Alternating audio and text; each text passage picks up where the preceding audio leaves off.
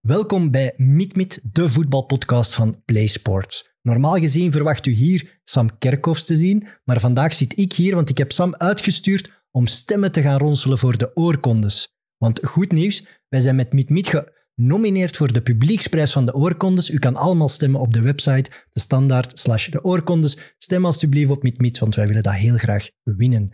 Eh, ik zit hier ook omdat we vandaag een eenmalige en unieke comeback gaan doen van het YouTube-fenomeen Dat Magis. En dat gaan we doen met heel speciale gasten. Ik heb Vlaams Twitter voetbalfenomeen De Rosse Magier uitgenodigd, ook bekend als Rutger Verbeek. Ik heb televisiemaker Sander de Geiter erbij, de maker van FC United. Yo. En ik heb voetbalauteur Thijs Del Ru uh, uitgenodigd. Dus we zijn er klaar voor. Welkom bij Mit Mit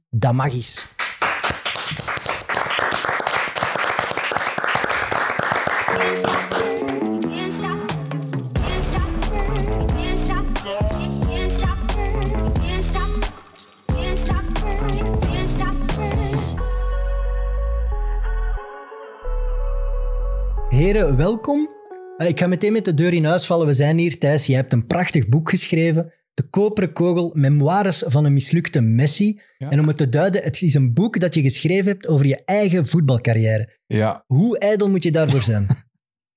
ja dat is eh, tijdens het schrijfproces eh, ook een vraag geweest die ik me vaak heb gesteld. van wie zit hier op te wachten? Want ik ben echt gewoon een zwaar mislukte, niet eens in de buurt komende Messi.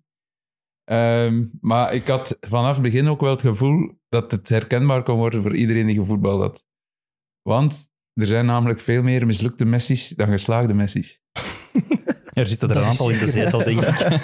dus voilà. Het is een ode aan het jeugdvoetbal. ode aan het jeugdvoetbal. Eh, ook een beetje vind ik, omdat jeugdvoetbal soms negatief in, in het nieuws komt. Maar de basis van jeugdvoetbal is gewoon die kleedkamertaferelen, die vrijwilligers. Eigenlijk ook wel jeugdvoetbal, misschien niet per se op een hoog niveau. Dus het gaat echt wel over mijn... Provinciale. Ja, ik heb altijd bij White Star Lauwe gespeeld.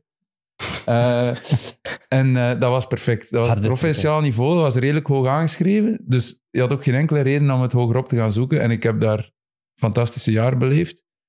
En ik denk dat heel veel mensen, als die terugdenken aan hun kindertijd, en zeker als ze ondertussen voetbalvader zijn zelf, of voetbalmoeder, terugdenken aan hun eigen voetbaljaren in de jeugd. Een kort rondje. Dus jij bent begonnen bij Wietstar Lauwe. Wie in, eh, eigenlijk? in. West-Vlaanderen? Juist? ja. Sander, wa- wat is jouw eerste club? Eh Escalaar, dat was het vroegere katholiek sportverbond in eh, Zemslaar. En Rutger? Zenester Hombeek. Dat is een prachtige naam. de eerste club van Steven Dufour. Is dat voor iedereen ook de plek waar dat je, je voetbalpassie begonnen is? Bij je eerste clubje? Wow. Nee. Bij mij, nee, bij mij al vroeger. Maar het is wel even inpikken over die kantines en die kleedkamers. Ik doe dat nog altijd enorm graag om zo in een kantine, in een chalet, in een Ja. cabine te zitten voor een match. Fantastisch. Ken je dat gevoel als je zo De geur ook. Ja, Komt ik heb gewoon zo- meteen terug. de geur, het geluid van die toppen, de deuren die toch anders klinken of zo, het Ja. toilet. Dat is Voor- zo... De akoestiek in die kantines is ook vaak dramatisch. Ik heb, vaak, ik heb nu zo'n caféploeg en eh, heel af en toe als ik wat tijd heb, ga ik in de namiddag al de truitjes klaarleggen. En dan zo... Je bent er wel echt mee bezig. Nee, ik probeer ze dan, ehm, ik probeer ze dan gewoon ja, niet op nummer te steken. Eerst kijken van hoeveel hebben we er. er is eigenlijk hebben we er genoeg. Eh, maar gewoon zo, dat moment dat je alleen op die voetbalclub zit Mm. en daar echt gelukkig van worden. Dat is, eh, dat is zalig. Maar is er eigenlijk iemand hier in de zetel die echt gedacht heeft dat hij profvoetballer kon worden? Ja, ja, zeker. Ja. Absoluut. Ja, ja, toen, toen ik jong was, dacht ik echt van... Ik ben een goede voetballer en ik ga geleidelijk aan opklimmen en ik word prof. Ja, dat, was, dat zat zo in mijn hoofd, ja, absoluut. En op welke, le- welke leeftijd spreken we dan? Oh, dat begon toen ik 7, 8 jaar was. En ik heb dat volgehouden tot ik 12, 13 was. En dan... En wat is het moment waarop je beseft het kan of het kan niet? Bij mij staat dat heel hard in mijn geheugen gegrift, want ehm, ik speelde in de vakantie ook altijd voetbal en ik... ehm, wij hadden een, een veldje bij een goede vriend van mij, Dries. En, ehm, dus we gingen daar elke dag voetballen. En Dries, zijn broer, speelde in de ploeg met Steven Dufour. En wij zijn altijd tegen Dries van... "Eh, Beeld je Steven nu ook een keer op, want wij willen graag een keer tegen shotten. Want allee, die, die had toen al wat naam gemaakt, want die speelde bij KV. En op de internationale toernooien was hij altijd de beste. Ja. En ik dacht, ja, ik wil daar een keer tegen shotten, dan kan ik zien hoe goed dat ik zelf ben. Dus op een bepaald moment eh, was Steven er toch eens bij.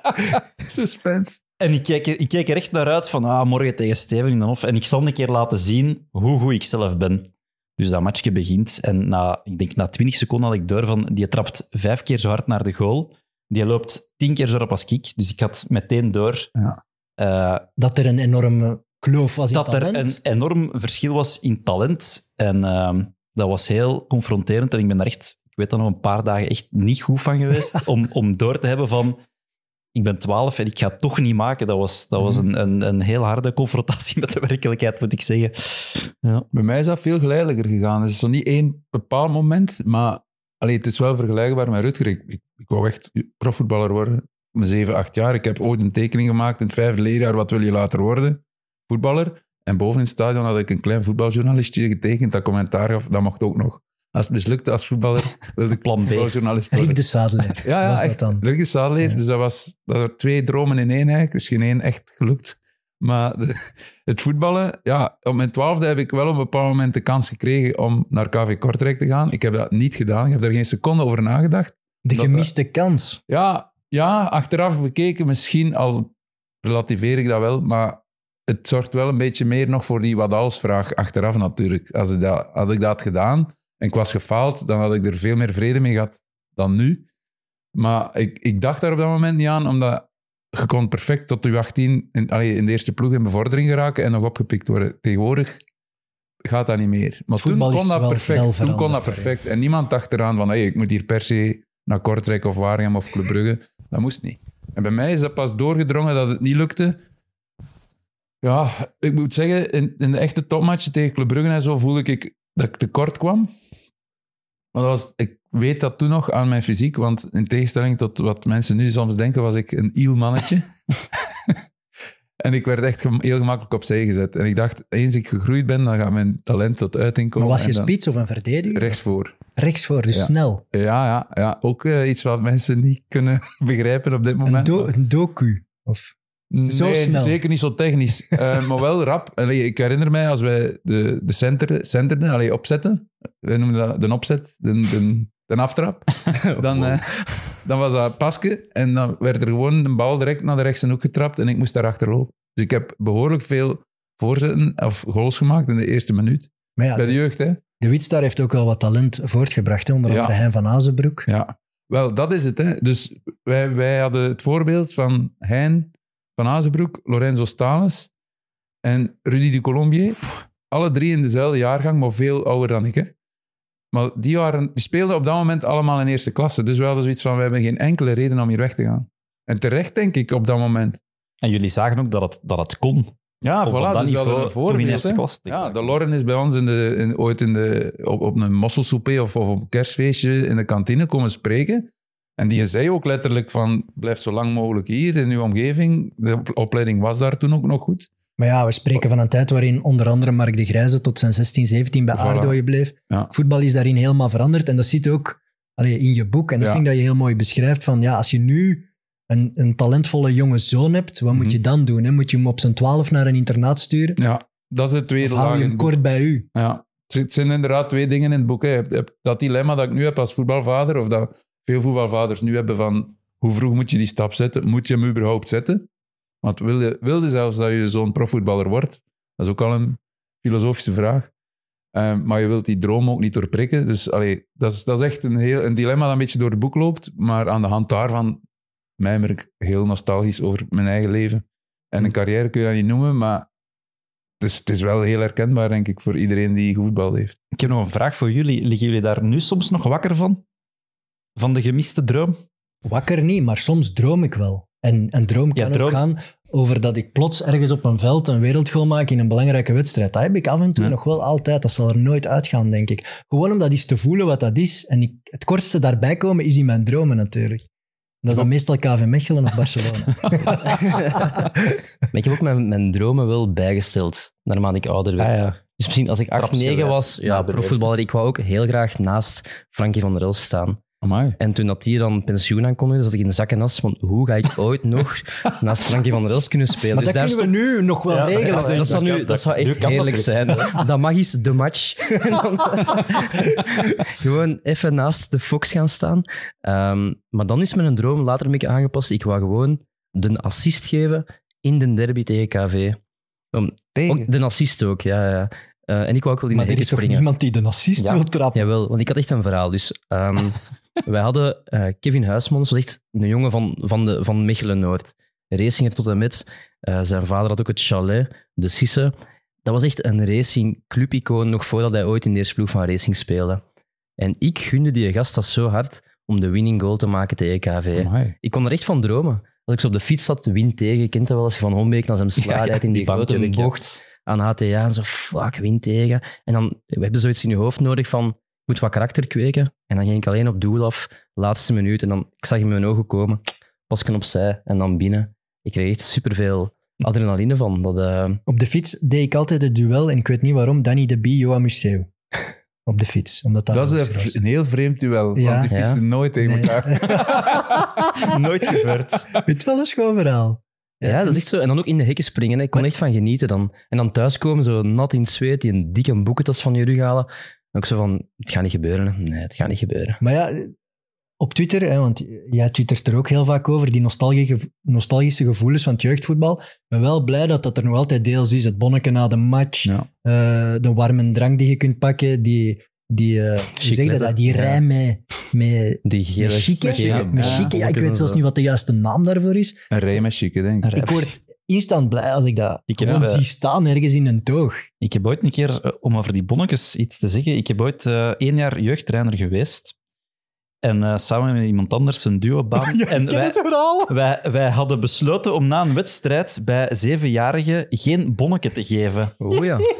Waarom? Niet goed gespeeld? Waarom? Eh, besparingen? ja, de eerste twee eh, delen van de match waren ze heel goed. En daarna hadden ze het helemaal opgegeven en hebben 20-2 of zo verloren. En ik moest heel snel door naar de match. En mijn collega-trainer had toen beslist van geen bonnetje. En die had dat waarschijnlijk wel naar mij gsm's. Ik voel, paraplu, ik voel parapluutjes die gaan. Hè? En ik had daarop door ja, doe maar, eh, doe maar. Dus geen bonnetje. En, eh, Dat ja, doe je toch niet? Toen heeft de club wel drie weken op zijn kop gestaan. Moesten wij bij het bestuur komen. Vergadering met de ouders. Dus het bonnetje is echt wel nog altijd heilig in het jeugdvoetbal. En terecht, dat was een Ik heel woon domme... tegenwoordig in heel het dorp waar dat hij zijn debuut gemaakt heeft. En ik ken die gasten die dat bonnetje niet gekregen hebben. Het gaat er niet goed mee. Ja, die zijn gekrenkt. Die zijn echt leven. gekrenkt. Ja, is... Ja, Die zijn- is heilig. Die zijn beginnen Ja. volleyballen. Nou, Wij kregen ook een bonnetje in Lauwe. En wat, wat ik altijd geweldig vond, was dat wij als insiders van Lauwe wisten dat je met een bonnetje een grote cola kan ah, vragen. dat, was in Ombeek. In een, in een pinteglas. Ja. In plaats van in zo'n klein, belachelijk eh van, van colibri of wat is het. Van die, echt een groot pinteglas vol cola. Het maar grote alleen, ja, dus de Lauwenaar, dus die, als wij dan tegen die mannen van Club Brugge moesten spelen, dan stonden wij dan buiten met een cola en die keken eruit van... "Eh." En dan dachten wij, ach, ze- we hebben misschien verloren, maar we hebben wel een grote cola. Wat ik wel jammer vond soms, want aan de overkant van, van de Witstaar was er een snoepwinkel. Legendarische snoepwinkel, dat heette Tabaks. Waarschijnlijk omdat die ook tabak verkochten, maar daar was ik toen niet mee bezig. En die verkochten snoep. En het nadeel was, als je een bonnetje kreeg, dan kon je niet meer naar de snoepwinkel natuurlijk. Hè. Allee. Ja, nee. Ka- Bonneke was voor Ik- de kantine. Ik heb ooit eens gevraagd, kunnen wij geen centen krijgen? maar dat, ik snapte het commerciële ding niet met die kantine en zo. Allee, ik dacht, geef ons toch gewoon cent, dan kunnen wij snoep gaan halen. Maar zo'n goede jeugdclub is zo belangrijk om liefde voor voetbal eh, mee te krijgen. Mooi, ja, jong. Ik zei bij Escalade, dat was Katholiek Sportverbond. Die speelt nu nog zo in Mhm. het verbond van Jolica Ja. en zo. Wij kregen aan de match zeven bonnetjes. Omdat we gewonnen hadden, gewoon ouders die zeiden, hier nog een bonnetje. Je hebt je best gedaan. Amai. Dat was heerlijk, hè? Ja, je bleef ook nog twee of drie uur tot na die match. Shotten op het veld. Ah. Ja, je moest die zeven bonnetjes opdoen. Dat, eh, want je Mhm. had er thuis ook nog tien liggen. En dan begint je wel- van heel, dat, heel die omgeving te houden. Omdat er wordt voor je gezorgd. Ja, is zeker eh, zo. Vroeger, als je bij de scholieren of de kadetten, eh premium en minime zat, dan bleef je daarna op de club. En wat deed je? Je ging gewoon terug op dat veld Terug shotten. shotten, maar dan met gewoon kleren Ja. En nu is dat wel anders, doordat er zoveel andere Ja. mogelijkheden Dat zijn. waren toch de beste dagen dat je zo Ja. bleef hangen. En dan nog, nog drie, vier uur shotten tot het donker en werd. zeker op zo'n souper of zo was dat bij ons. Ja. Dat was echt tot, tot dat donker werd, zaten we op de eerste ploeg. Op het veld van, van de eerste ploeg te spelen. Totdat er een kwam roepen, niet op het eerste op- veld, totdat, niet op het eerste de- veld. Bij ons was dat Roste Meijer, heette die. Dat was- die meisje was echt onder de 17 jaar of zo. En Ros, En we hadden er schrik van, jongen, niet normaal. Die was ooit Ros geweest, Ah. vermoed ik. En hij heette De Meijer of zo. Ros de Meijer. We hadden er allemaal enorme schrik van. En dan gingen we, moesten we helemaal naar het tweede veld om te gaan shotten. Maar goed, dat deden we wel. En ook in uw vrije tijd. En dat is iets wat... Niet alleen het jeugdvoetbal... Bij Maar de, nu worden we oude zakken. Als Ja. we beginnen zagen over Nou, dat de jeugd op de computer gaat zitten of op de gsm.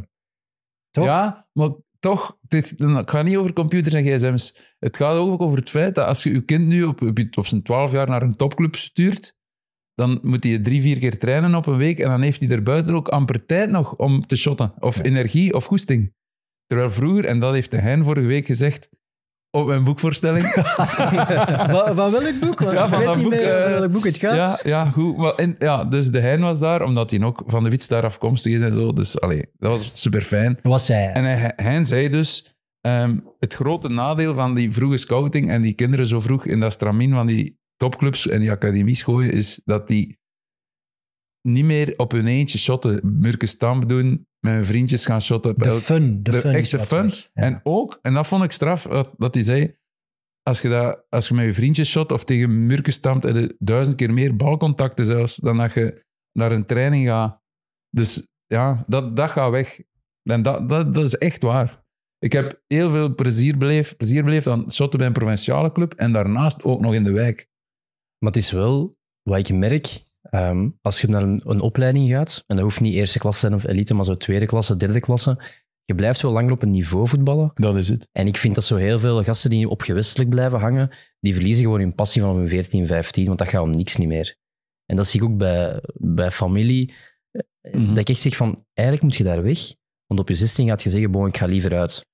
Ook geen probleem, hè, maar je stopt gewoon met voetballen. Of, ge- of gespeeld in de eerste ploeg van een derde provinciale. Wel, dan moet je Maar daar dat al zijn, geraken. dat zijn altijd de jeugdcategorieën die het moeilijkste hadden. Hè? Vanaf de Ja, junioren. dan stoppen er Ja, superveel. hè. Eh, Je hebt de enorm eh, populaire jeugdclubs tot en met 14, 15 jaar. En dan is er een gat, hè, omdat heel veel gasten dan stoppen met Mhm. voetballen. En dat is doodzonde. En Maar- dat is wel een probleem aan het worden op het lagere niveau. Dan moet je wel een club hebben die ook zegt, we gaan die 16, 17-jarigen een kans geven. Mhm. Of blijven motiveren met nieuwe spelelementen, nieuwe... Ja, maar Ja. Je hebt ook anderen die er doen. niet gaan geraken. En die gaan altijd Nee. de sfeer een beetje naar beneden trekken, denk ik. Of, Maar het eh, gaat niet over gera- geraken in de eerste ploeg, toch?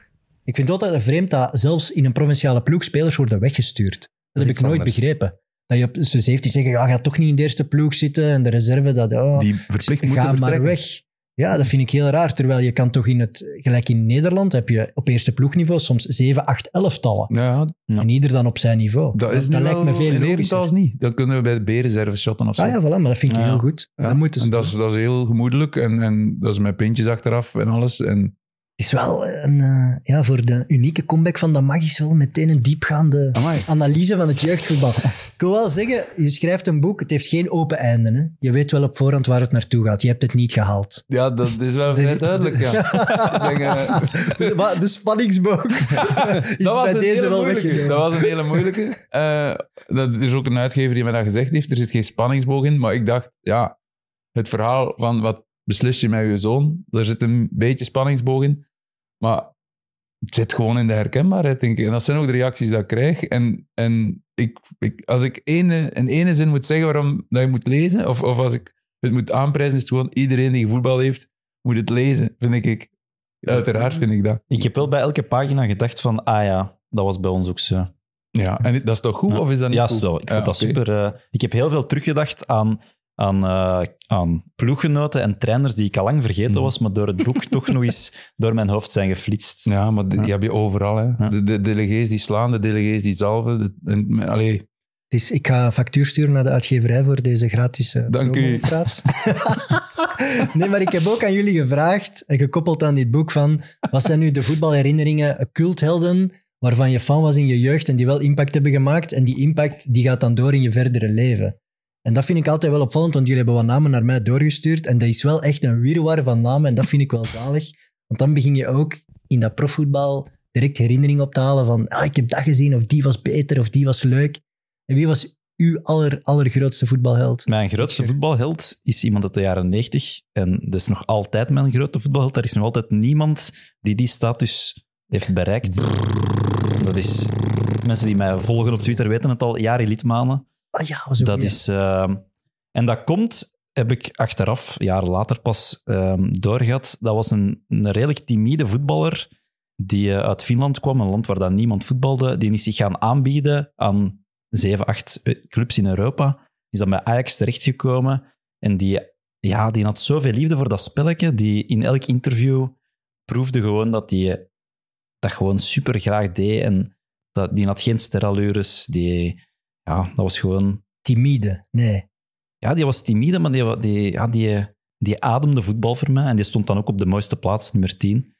Ehm, Maar het is wel een strafparcours dat hij heeft afgelegd. Hè? Want hij heeft zich inderdaad gaan aanbieden, onder andere bij Racing Genk en Beerschot. bij Beerschot ook. Je moet je ja. voorstellen, Ja. ah, allee, achteraf bekeken, toch Ja. de winnaar van de Champions League, eh, heel veel prijzen gepakt, Ja. bij de grootste clubs van de wereld Ja. gespeeld, dat die op training van Beerschot, ze denken, "Hmm, we gaan die niet pakken. Ja. Te timide. Ja. Waarschijnlijk. Ja. Zo'n coach. Dat dat Ik vind dat wel zot. En ook het feit dat hij uit Finland komt, wat je zegt, Ja, speelt is- daar ijshockey of langlaufen. Of...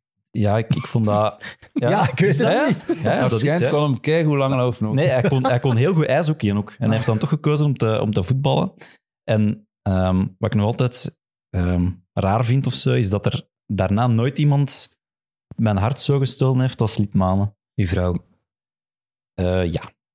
Ja, je, je ja? Saved by the Zeg je bell. ja? Ik vind dat altijd een hele moeilijke. Eh, een jeugdheld Ja. en, en voetbalherinneringen. Mijn vrouw weet dat. Dat is echt wel een niveau van Ja. emotie waar dat Ja, en wat ik ook heel jammer vind, is dat die mens nooit meer gaat voetballen. Want die is al lang gestopt ondertussen. En ik ga nooit meer dat gevoel hebben van een match op te zetten dat hij meedoet. En dat vind ik eigenlijk wel heel jammer. nu- ja, ik ga nu misschien iets uh, heiligschennend zeggen, Ja. maar het, wat ik met, met Litmanen heb, is meer een vage herinnering van dat was een goede speler. Maar ik kan daar heel weinig heel gerichte dingen aan koppelen. Auw. Ja, allee, en dat is Het ook misschien door... van Gaal. Ja, ja, ik weet het. Ja. Maar, maar zo van die actie of die goal, of, dat, dat heb ik bij Litmanen minder. Maar misschien is dat omdat ik zelf een spits ben geweest, dat ik dan meer op uh, aan doelpunten of Ah aan- ja. Allee, dat dat zo meer inspirerend is dan iemand die toch zelfs eigenlijk een soort timide speelstijl had ook, vond ik. Toch? Het is ook heel straf hoe belangrijk daar bijvoorbeeld een coach kan zijn, of een scout, of iemand die het oog heeft voor talent. Want het is eigenlijk ook Louis van Gaal die dan toch heeft gezegd, we gaan die toch nemen. Ja. Hij was al bij Barcelona geweest, in België geweest, in Frankrijk geweest. En die is dan toch Louis van Gaal, die achteraf ook eh, getoond Mhm. heeft dat hij veel voetbalkennis heeft, Ja. die dan zo'n gast, een Fin, die op training waarschijnlijk niet veel zegt, zegt van ja, jij mocht toch bij Ajax blijven. Ik denk dat er heel weinig coaches die beslissing hadden Ja. genomen. De coach Ja, is cruciaal. Ja. Mm. Absoluut. Altijd. Ja. En ik weet nog een van de mooiste momenten in mijn, eh, in mijn voetbal ehm, ah ja, supporter. Dat was toen dat hij terugging naar Ajax. Want dat was nog voor de, de tijd dat alles op Twitter en zo stond. Sociale media bestonden nog niet. En dat was in een uitzending ehm, met Jack van Gelder. En die had breaking news dat Litmanen terug naar Ajax ging. En dat was voor mij... Ja, ik krijg daar altijd kippenvel van als ik Oh, aan ja. dat moment denk. Ja. Waar was je toen? Ik zat eh, thuis in de zetel en mijn papa was in slaap gevallen. En ik heb hem toen direct wakker gemaakt, want dat is ook een heel grote Ajax-fan. En ik zeg, ja, Litmanen komt terug. En dat was eh, ja, Zever het niet, hè? ja, een super, eh, super mooi moment. En ja, het zal voor altijd Dat mijn vind ik heel favoriete voetballer Zo diep heb ik Ja. nooit iets meegemaakt, denk ik. Wie was uw, uw held, uw voetbalheld? Een rosse voetballer? Of? Als ik de Rossen moet kiezen, is het sowieso Rafke Pauwels. Je moet niet, hè? de, de koperen kogel. De echte koperen kogel. Van Koningshoekt. Ehm, maar dat was natuurlijk eh, niet van het niveau van Litmanen. Hè. Ehm, de, de eerste echte held voor mij was wel Marco van Basten. En ik zeg dat niet omdat ik de vorige keer Nederlanders heb gebashed. Ik vind... Je hebt iets recht te zetten. eh, nee, nee. Hij wil boeken verkopen. EK... Nee, ook, ja, dat, nee, de- de- Grote, grote markt. maar Mexico 86 was natuurlijk... Allee, dat was mijn eerste toernooi dat ik vrij bewust heb meegemaakt. Maar het probleem was, Diego Maradona was natuurlijk ja, ontegensprekelijk de beste, maar we waren daar niet voor op een of andere manier in de familie. Misschien omdat hij ook België heeft uitgeschakeld, dat kan. En in 88 was, dan, was ik nog bewuster en dan was Van Basten wel gewoon niet normaal. En die goal, want daar, daar heb ik het over, dat ja, je kunt die echt vereenzelvigen met die goal in die finale. Ik vind dat nog altijd een van de, misschien wel de strafste goal ooit, door een combinatie van het moment, de technische vaardigheid, Ja, sowieso. Ja. Is het een iconisch doelpunt. Ja, altijd is dat tegen voetbalgeschiedenis. een van de beste keepers van de wereld, ook. Ja, maar de En in keeper de doet er finale niet toe van een EK. goal, toch? Is de keeper belangrijk bij die goal? Nee. Die had bij elke doelman ter wereld Die was overal. Ah wel, maar dus ja. zeker, zelfs bij Dassaev gingen binnen. Want we hebben vorige week een special gehad over Eden Hazard. En dat Mhm. vind ik ook wel een soort Marco van Basten verhaal. Hè. Die hebben alle twee een zware enkelblessure gehad. Die uiteindelijk ook het einde van hun carrière heeft ingeluid. En bij Van Basten veel te vroeg. Ja, Had hij door blijven spelen op het topniveau, dan had hij de cijfers gehaald. Allee, ik zeg niet Ronaldo Messi, Mhm. maar die had er wel elk jaar meer dan 30 gemaakt. Die had Wat echt ik- een waanzinnige carrière kunnen hebben. zeker. Wat ik zo mooi vond aan Van Basten was dat die, dat zag er ergens geen voetballer uit, vond ik. Die liep ook zo, was een beetje hoogpotig. like dat. Boekhouder? Nee? Hoe zag hij eruit? Ja, eh, zo motorisch had- was daar iets aan dat ik dacht van, die had geen O-benen bijvoorbeeld. Allee, dat- snap je? Jan Wouters had enorme O-benen. Eh, Garincha. Garincha. Van Basten was zo, ja, als je die gewoon op straat ziet, inderdaad, een beetje boekhouderachtig, wat hoog opgeschoten, te lange benen. Maar wel een knappe, een beetje- een knappe gast. Ja. Ja. En als je dan zo'n voorzet krijgt en je shot die zo binnen. En ook het, het vertrouwen dat hij had, hè, want die was zelfs, denk ik, als bankzitter half begonnen aan het toernooi, Ja, ja, uit blessure of ja, zo. blessures, ja. En, en in iedere wedstrijd bleef hij zo bepalend zijn. En, en hoe dat, dat vertrouwen, wat dat deed met hem. Anders had hij die bal nooit op de slof genomen. Hè. Als hij eh, eerder na het toernooi die goals niet had gemaakt. Ja, maar hij- de meeste Nederlandse spitsen hadden toch geen tekort aan zelfvertrouwen. Ik denk van Basten ook gaan niet weer Nederlanders. Hij, hij, wist, hij wist wel dat hij echt goed was, natuurlijk. Maar die beelden van zijn afscheid in San Siro, ja, dat is, dan pas weet je dat dat een grote is. Want ja. ik ben geboren in 89, dus ik heb dat nooit bewust meegemaakt. Je kent, je kent het wel van YouTube. Maar zoals ik die beelden zie van hoe dat mensen bijna huilen, ja. omdat die stopt met voetballen veel te jong, dan besef je, oké, wow, dat is wel een van de grootste. Ja.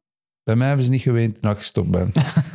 Maar de- Sander, dus ik had ook die vraag aan u gesteld. En, eh, dus je hebt Lidmanen. eh, Van Basten, je Marco eerste. van Basten. Jij komt met Jonathan Blondel. ik weet eigenlijk niet goed hoe- wat ik daarmee moet. En jij ook niet, denk ik. Jawel, echt Ja, wel. toch wel. Ehm, ik heb altijd voor de underdog gestemd. Ik weet niet wat dat komt. Ook al, ik was klein, ik was van Club Brugge, dat was toen echt niet de underdog. Ehm hoe zo? Ehm, en, ehm, maar ja, ik, ik heb het altijd voor de gasten gehad die altijd de kak over hem kregen of zo. Of zo minder benadrukt werd. Ik heb ook Scholes gestuurd. Ja, Scholes is een geniale is- voetballer. Tuurlijk, Daar maar die was ook zo wat meer Ros. onderbelicht. Hè. Ja. Rosse, maar die, zat in een ploeg met zoveel extreme Voilà. vedetten. Dat was voor mij dat was mijn chouchou, Scholes. Ik, ik was ook zo een hele klein, ik ben heel laat, was wat groter geworden. En mijn speelstijl was ook vroeger, speelstijl op dat niveau, ik pak de grootste. Als ik tegen een grote middenvelder moest spelen, ik pakte die. Ik ging die hele match lang pakken. Dat was echt een Calimero-complex. Dus ik koos dan bij mijn favoriete spelers ook de kleinste. En dan kwam Jonathan Blondel naar Club Brugge. Echt wel de kleinste. Maar die heeft dat ook zo, dat Calimero-complex. Ja. Die, die smeet er de ene smerige tackle na de andere in. Soms erover. Ik denk dat Steven de Voer dat kan bevestigen. Die heeft dus de Voer tegenstaan daar eh, zwaar gekwetst. Maar die kon ook wel ongelooflijk goed voetballen. En mensen vergeten dat wel, want die is een grote duivel geweest. Hè? Ja, ja, Ja, ja de Tottenham Ben- gespeeld toch? Ja, maar daar heeft hij nooit echt doorgebroken. Nee, maar goed, het feit dat je daar als jonge Op speler naartoe 17-jarige, mocht. ja. Voor, voor de gouden generatie was hij diegene. Wauw, die gaat Ja, ja. naar Tottenham. En dan was er wat gebroken. Ik denk dat hij mentaal niet super sterk was. Ehm, maar zo onder Adrie Koster, dan speelde hij met Geraerts en Ojija in het middenveld. Dat was echt het beste middenveld van België. Daar blijf ik bij. En die was toen ook bij de Rode Duivels en die scoorde ook echt doelpunten bij de Rode Duivels. Dus ik, had iets van, ik had iets van, hij komt er. Mijn chouchou gaat er komen. en ik weet nog het nieuws dat hij, of dat hij aankondigde, dat was geen breaking news, ehm, dat hij stopte met voetballen. Ik zat op de trein van Brussel naar, naar huis en ik was echt aangedaan. Fuck. Einde van een, Het einde. van een Wie nu? Wie nu? Wie kan mij nog zo in vervoering Maar dan brengen? gaat het niet om wat een geniale carrière dat hij heeft. gaat maar echt gewoon omdat dat voor u iets persoonlijk was. Ja, voilà, dat is echt persoonlijk. Van, daar, ik hield van die gast. Ik meen dat toen dat Sterkele stierf, ik was niet aan het... Ik, was niet echt aan het wenen. Want ik was op die match, die begrafenismatch zo, tegen Westerlo, denk ik. Ik was niet aan het wenen van Sterkele, maar ik zag Blondel in de middencirkel staan en die was helemaal gebroken en dat brak mijn hart. En eh, ik denk dat het seizoen later was het KV Club Brugge en ik had via vrienden kaartjes gekregen om te gaan kijken op KV. In de I nog zeker. Ja. Zo, je had een I en de J. De J was naast het uitvak. Hè. Dus in de I, mijn vriendin is voor eh, KV. En ik mocht dan daar gaan staan. Maar ja, ik moest mij koest houden. En dat is wel relatief goed gelukt.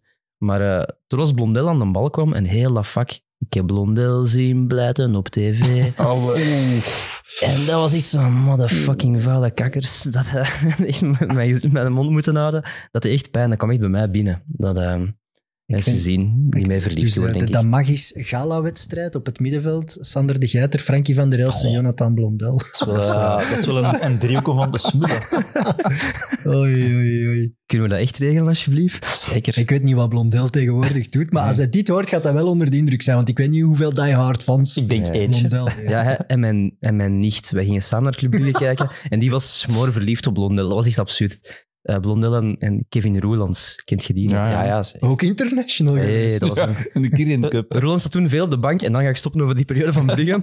Maar dus wij zaten in tribune Zuid, dat is zo de familietribune van Club Brugge. En die waren altijd langs onze kant op. En als Roelands van die bank kwam en zij zag dat al, dan riep die Kevin! En zo, ik zat er zo naast zich. Fuck, kom maar, Riet, eens normaal. Ik kan niet eens goed voetballen. Maar ja, ze vonden dat knap. hè. En dat, ehm, En is het iets geworden? Eh, nee, en ook haar man of vriend is niet een Kevin Roelands lookalike, denk ik. Dus, eh bon, voor ik hier eh, de troon, eh, de kroon ontroon. Zeg, en wie was, eh, wie was jouw jeugdidool? Ehm, internationaal sowieso Stoichkov. Zal ik altijd. Dat was mijn eerste grote held van op de televisie. Mhm. Dat vond ik zo'n geniale voetballer. Die was ook linksvoetig. Ik ook. En die speelde om dreamteam van Johan Cruijff, dat vier titels op rij haalde begin jaren 90. Met dan de absolute, het orgelpunt, de finale tegen AC Milan, die jammer genoeg zwaar werd verloren. Maar die ploeg was eigenlijk briljant. En je had een aanvalsduo Stoichkov-Romario. En dat heeft, denk ik dat dat nog altijd het schoonste is wat ik altijd heb gezien. Dat waren eigenlijk twee man die compleet hun goesting deden. Dat in Hmm. moderne voetbal niet meer zou kunnen, denk ik. En die hadden dat alle twee. En die maakten er samen meer dan 50, wat in, in die, Die tijd. Toen was dat enorm superveel, ja. veel was. Romario Ja, maakte er 30 en. Stoichkov ook nog eens 20, 25. En die twee, dat was crazy. En Stoichkov had ook zo de aura rond zich van ja, dat is echt een gek. Want die is eigenlijk rechtstreeks van Sofia naar Barcelona getransfereerd. Op het moment dat hij eh, een levenslange schorsing had gekregen in eh, Bulgarije, omdat hij in een bekerfinale een scheidsrechter had aangevallen. Hij komt bij Barcelona en in een van zijn eerste matchen trapt hij op de voet van de scheids en wordt hij twee maanden geschorst. Ja, hij, hij genoot van het leven. Hè. Er wordt altijd gezegd dat hij degene was die Romario uit de nachtclubs moest gaan halen. Maar hij zat wel ook in die nachtclubs. Natuurlijk. En ze noemden hem ook de Dagger. Dat is ook een geniale bijnaam, dat ook meer met zijn, ja, wie hij was naast het veld te maken had, denk ik. Maar het was, ook zijn piek was eigenlijk heel kort. Hè. ja. Dus hij had Maar dat was- piek en dan WK 94 en dan daarna gaat het eigenlijk heel snel bergaf. Dat, dat heb ik wel bij veel voetballers uit die periode, dat die zo kort... Ja, Kort en ik. WK 94 is zo'n WK waar er effectief wel een aantal spelers waren die toen op hun top Ja. waren. Eh, en dat ik ook even overwogen heb om door te sturen naar u. Hadji, Haji bijvoorbeeld, die dan meer in de categorie ehm eh Stoichkov zit. Toch ook een beetje. geniale gekken. Hè? Die- Ja. En heel die Roemeense ploeg was toen ook top. Hè, jong. Ja, die goals dat die gemaakt hebben tegen, tegen Argentinië, dat was, echt, dat was echt niet normaal. Ik dacht, die worden hier los wereldkampioen. Maar nu zouden wij zeggen, dat, dat zijn bad boys. Stoichkov nu, dat zou echt zo'n een, een outcast zijn. Zouden zeggen, daar valt niet mee te werken. Ja, die zou, Maar die zou meer- pakte ja. die gewoon Ah. binnen. Hè? Met wie kun je die nu vergelijken? Dat is moeilijk. Ibrahimovic eh, zeker. Ja, Ja, maar nog veel erger toch? Wat erger, maar minder, minder uitgesproken. Allee, nu heb je natuurlijk die media. Alles wat Ibrahimovic zegt. Maar je komt daar ook uit een tijd, toen de Maradona bij Barcelona zat, hè, tegen Bilbao, die enorme schoppartij. De beste voetballer ter wereld staat daar gewoon mensen op hun hoofd te, te stampen. Hè. Dat is Mhm. echt een andere. ja, als je dat nu doet, wat, wat Ja, krijg je dan? ja. jongen? Dat is, Maar ik ben ook pas later... allee, ik heb daar juist Van Basten genoemd, wat eigenlijk een soort engelachtig figuur is. Ik ben later wel meer beginnen houden van, van Bad Boys ook. Uiteindelijk voegen die toch net iets meer toe aan het gehele plaatje. nu moet je er wel een noemen. Hè. Ja, bijvoorbeeld wat jij zegt, Stoichkov, Hadji, die mensen. Maar wat ik ook een, een fascinerend figuur altijd heb gevonden, is Zidane. Ja. Die niet per se een bad boy leek, maar die toch ook op dat WK, waar dat hem dan de vedette wordt, ook in een eerste match, denk ik, rood pakt. Tegen Saudi-Arabië, Ja. denk ik. Ja, een, Ja. een redelijk domme rode kaart. Hij heeft veel rode kaarten gepakt in zijn carrière. En dat einde, dat is zo. Ja. Toen heb ik geweend. Toen heb ik echt geweend. Bij die rode kaart met de Koetboel in 2006 heb ik, zat ik echt te huilen voor de tv. Ja, ik Omdat vang- dat het, zo, het ergste afscheid is. Dat hij zichzelf ook had aangedaan. Dat je dan op dat moment dat karakter van de, van de bad boy niet onder controle kunt hebben. En, maar tegelijk voedt dat wel de legende natuurlijk. Hè. Ja, de, die, die blijft het meest waanzinnige afscheid, denk ik, ooit Ja. van een carrière van een topvoetballer om in een WK-finale... eh, En dan nog die penalty eerst te gescoord. geven. Ja, Ja, Pracht dus- Panenka. En ik denk dat heel veel mensen het ergens eh, hem vergeven of iets leuk vonden omdat het tegen Materazzi was. Het was echt zo die Ja. clash van figuren, van stijlen. De, ja, de fantastische voetballer Zidane en de matenaaier Materazzi. Dat maakt het ook uniek. We zijn nu 17 jaar later en dat blijft leven. Is dat al zo lang geleden? Ja, je, ziet, je ziet die afbeelding nog op t-shirts verschijnen, Er is een standbeeld podcasts. van, hè? ja, voilà, dat is echt ongelooflijk. Dus eigenlijk heeft hij misschien wel een mooie bekroning. Stel dat hij wereldkampioen was geworden en dan gestopt. Ja, je herinnert dat nog. Ja, dat is Maar dat is zo dan- minder ja, memorabel. Allee, Tenzij ja, als hij nee. de beslissende penalty had gemaakt. En dan kom ik uit bij nog iemand in 94, Roberto Baggio, die die penalty mist. Ja. En er is een, een documentaire op Netflix over... eh, ja, geen zo'n goeie. Zo'n beetje corny, Ja. melig. Ik heb die ook al gezien. Maar dat einde is wel supergoed, omdat hij... Uiteindelijk heeft hij zelf het gevoel dat heel zijn carrière kan samengevat worden in die gemiste penalty. En dat is wel enorm tragisch, want Baggio was gewoon een zalige, mooie voetballer. En, en De dat vind ik beste, de, een van de beste bijnamen ooit in het voetbal misschien wel. het, eh, De goddelijke, paardenstaart. paardenstaart, ja. Ja. Ja, ik, eh, die, die had dan, dat was het, het eigenlijk tegenovergestelde bijna van een bad boy, want die, die had een soort boeddhistisch aura rond hem. Hij was ook echt boeddhist te worden en zo. Die had zo'n rust over hem, totaal geweldloos. En dan miste hij die penalty. En ja, als je nu zegt Roberto Baggio, is dat wel het eerste waar hij aan denkt. En dat is super jammer, toch? Ik denk ook En daar je leidt hij die- zelf ook onder. hè. Als je die penalty mist, dat je wel iets moet zoeken om daarmee om te gaan. En dat boeddhisme wel Ja, een goede weg is. zou goed kunnen, ja. Dan zijn er veel voetballers die eh, zich moeten bekeren tot het boeddhisme. Hè? Want ja, een gemiste penalty hoort erbij. Hè? Je hebt enorm veel topvoetballers die op beslissende momenten een belangrijke penalty hebben gemist. Bij Baggio eh, denk ik dan ook altijd aan die foto, waar Mhm. Tafarel super hard staat Ja. te juichen en Baggio de handen zo voor het gezicht heeft. Dus Mhm. dat vind ik een van de mooiste voetbalfoto's die ik al gezien heb. Dat vind ik zo mooi. Daar zit alles in, hè. Ja. Maar komt dan maar eens te boven, jong. Dat is... Ja, ik heb het er nog moeilijk mee. Ah, wel, maar over gemiste penalties, dat was ook eh, in 1994 met Stoichkov Romario. Bij, die waren toen op hun top, hè, 93, 94. Die gingen naar de titel. De, Le- Deportivo La Coruña ging toen ook naar de titel. En die eindigen Ah, de- in de laatste speeldag met hetzelfde aantal punten. Ja. Barcelona moet winnen. eh, en als Deportivo wint, was het sowieso Deportivo. Dus Deportivo mocht niet winnen. En in de allerlaatste minuut bij 0-0 krijgen ze een penalty. En Bebeto, de topspits van Deportivo, hè, een plo- ploegmaat bij Brazilië van Romario, die wandelt gewoon naar de middenlijn. Hè. Die kijkt gewoon naar de grond en die durft niet. Terwijl die nam alle penalties, die miste nooit. En dat is ook iets mentaal dat ik crazy vind. Dus die zegt gewoon... En die zei zelfs niks tegen zijn ploeg, maar die wandelt gewoon terug naar de middenlijn en de centraal verdediger, Djukic, die pakt hem, die mist hem. Ja. En ze worden geen kampioen, Barcelona wel. En die heeft daar jaren, maar echt jaren last van gehad. Ja, Ja, logisch ook. hè. maar dat zijn wel de verhalen. Misschien dat een documentaire waard. Maar ja, jong. Penalty er- er missers. zal in Spanje wel al een Maar gewoon in het algemeen. Zo. We brengen die allemaal samen. Collectief trauma Collectief verwerken. drama, dat is opeens toch een doel. Dat komt dan uit een donker. Vraag dan ook direct al die Hollanders uit de EK tegen Italië in 2000. Niet persoonlijk worden voor de Wie was het die er twee misten in één match? Was het de Boer? Eh, Kluivert. Kluivert. Of de boer. De boer. De Boer, ja. Ik denk ook de Boer. De boer, ja. En Kluivert Ja. op de paal, denk ik. Ja. Ja. En Martin Palermo hè, van Boca Juniors. Die miste er drie in één wedstrijd. Ja. Dat, dat moet ook wel kunnen, vind ik. Ja. Nee. Wel grappig, ik wist dat dan van Stootje, wat hij zijn, eh, ja, zijn grote held is. En ik was onlangs in de kringloopwinkel in Mechelen-Noord, heet nu Cirkels. Eh, ehm, het was aan het regenen, ik zocht iets om met mijn kleine te doen, die vindt dat heel leuk om daar rond te lopen.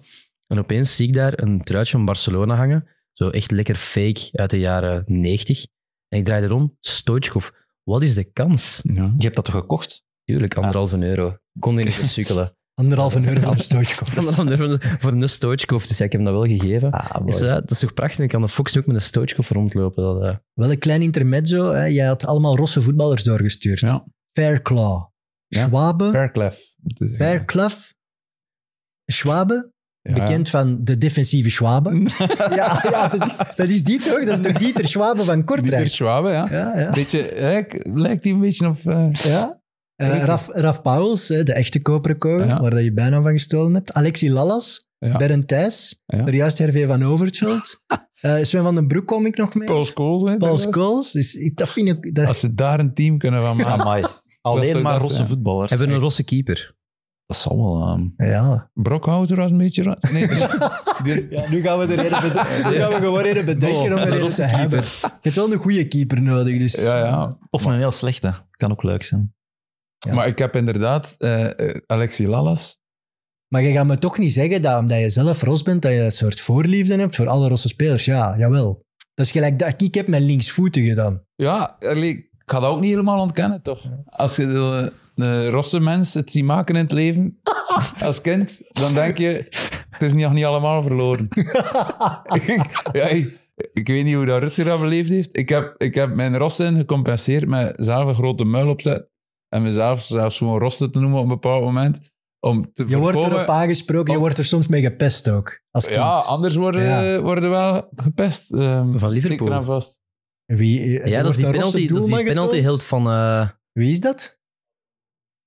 Ja, Oké. Er wordt hier een naam genoemd van een doelman waar ik nooit van gehoord. Die zit op goal. ja, dat is een rosse. hè. Ja, die Eh, die. Maar je Ja. bent gepest als Rosse. Nee, ik, ik heb dat wel op sommige momenten, ho- zeker als ik zo in, in het middelbaar aankwam en was ik terug het jonkie. eh, en, en dan heb je er wel van terret voor de middelbaar. Als je een matchje doet op de speelplaats, dan, dan is het, het makkelijkste dat ze roepen is rostekop. Of, Ja, ja, of, ja, of is ja, roste paprika heeft er eens in geroepen. Dat ik ook dacht van, Paprika. wat is dat nu? Terwijl jij gewoon een fantastische rechtsbuiten was. Maar ja, maar, maar nee, als ik rosse voetballers zag op tv, dacht ik wel van ja, kijk, je ziet dat niet zoveel. Dus blijkbaar is dat toch geen selectiecriterium eh, van die is ros, die kan niet shotten. Dus Ik het- kan, ik kan nu de meest eh, bizarre side-anekdote vertellen, maar in dat magisch mag ook wel echt alles, denk ik.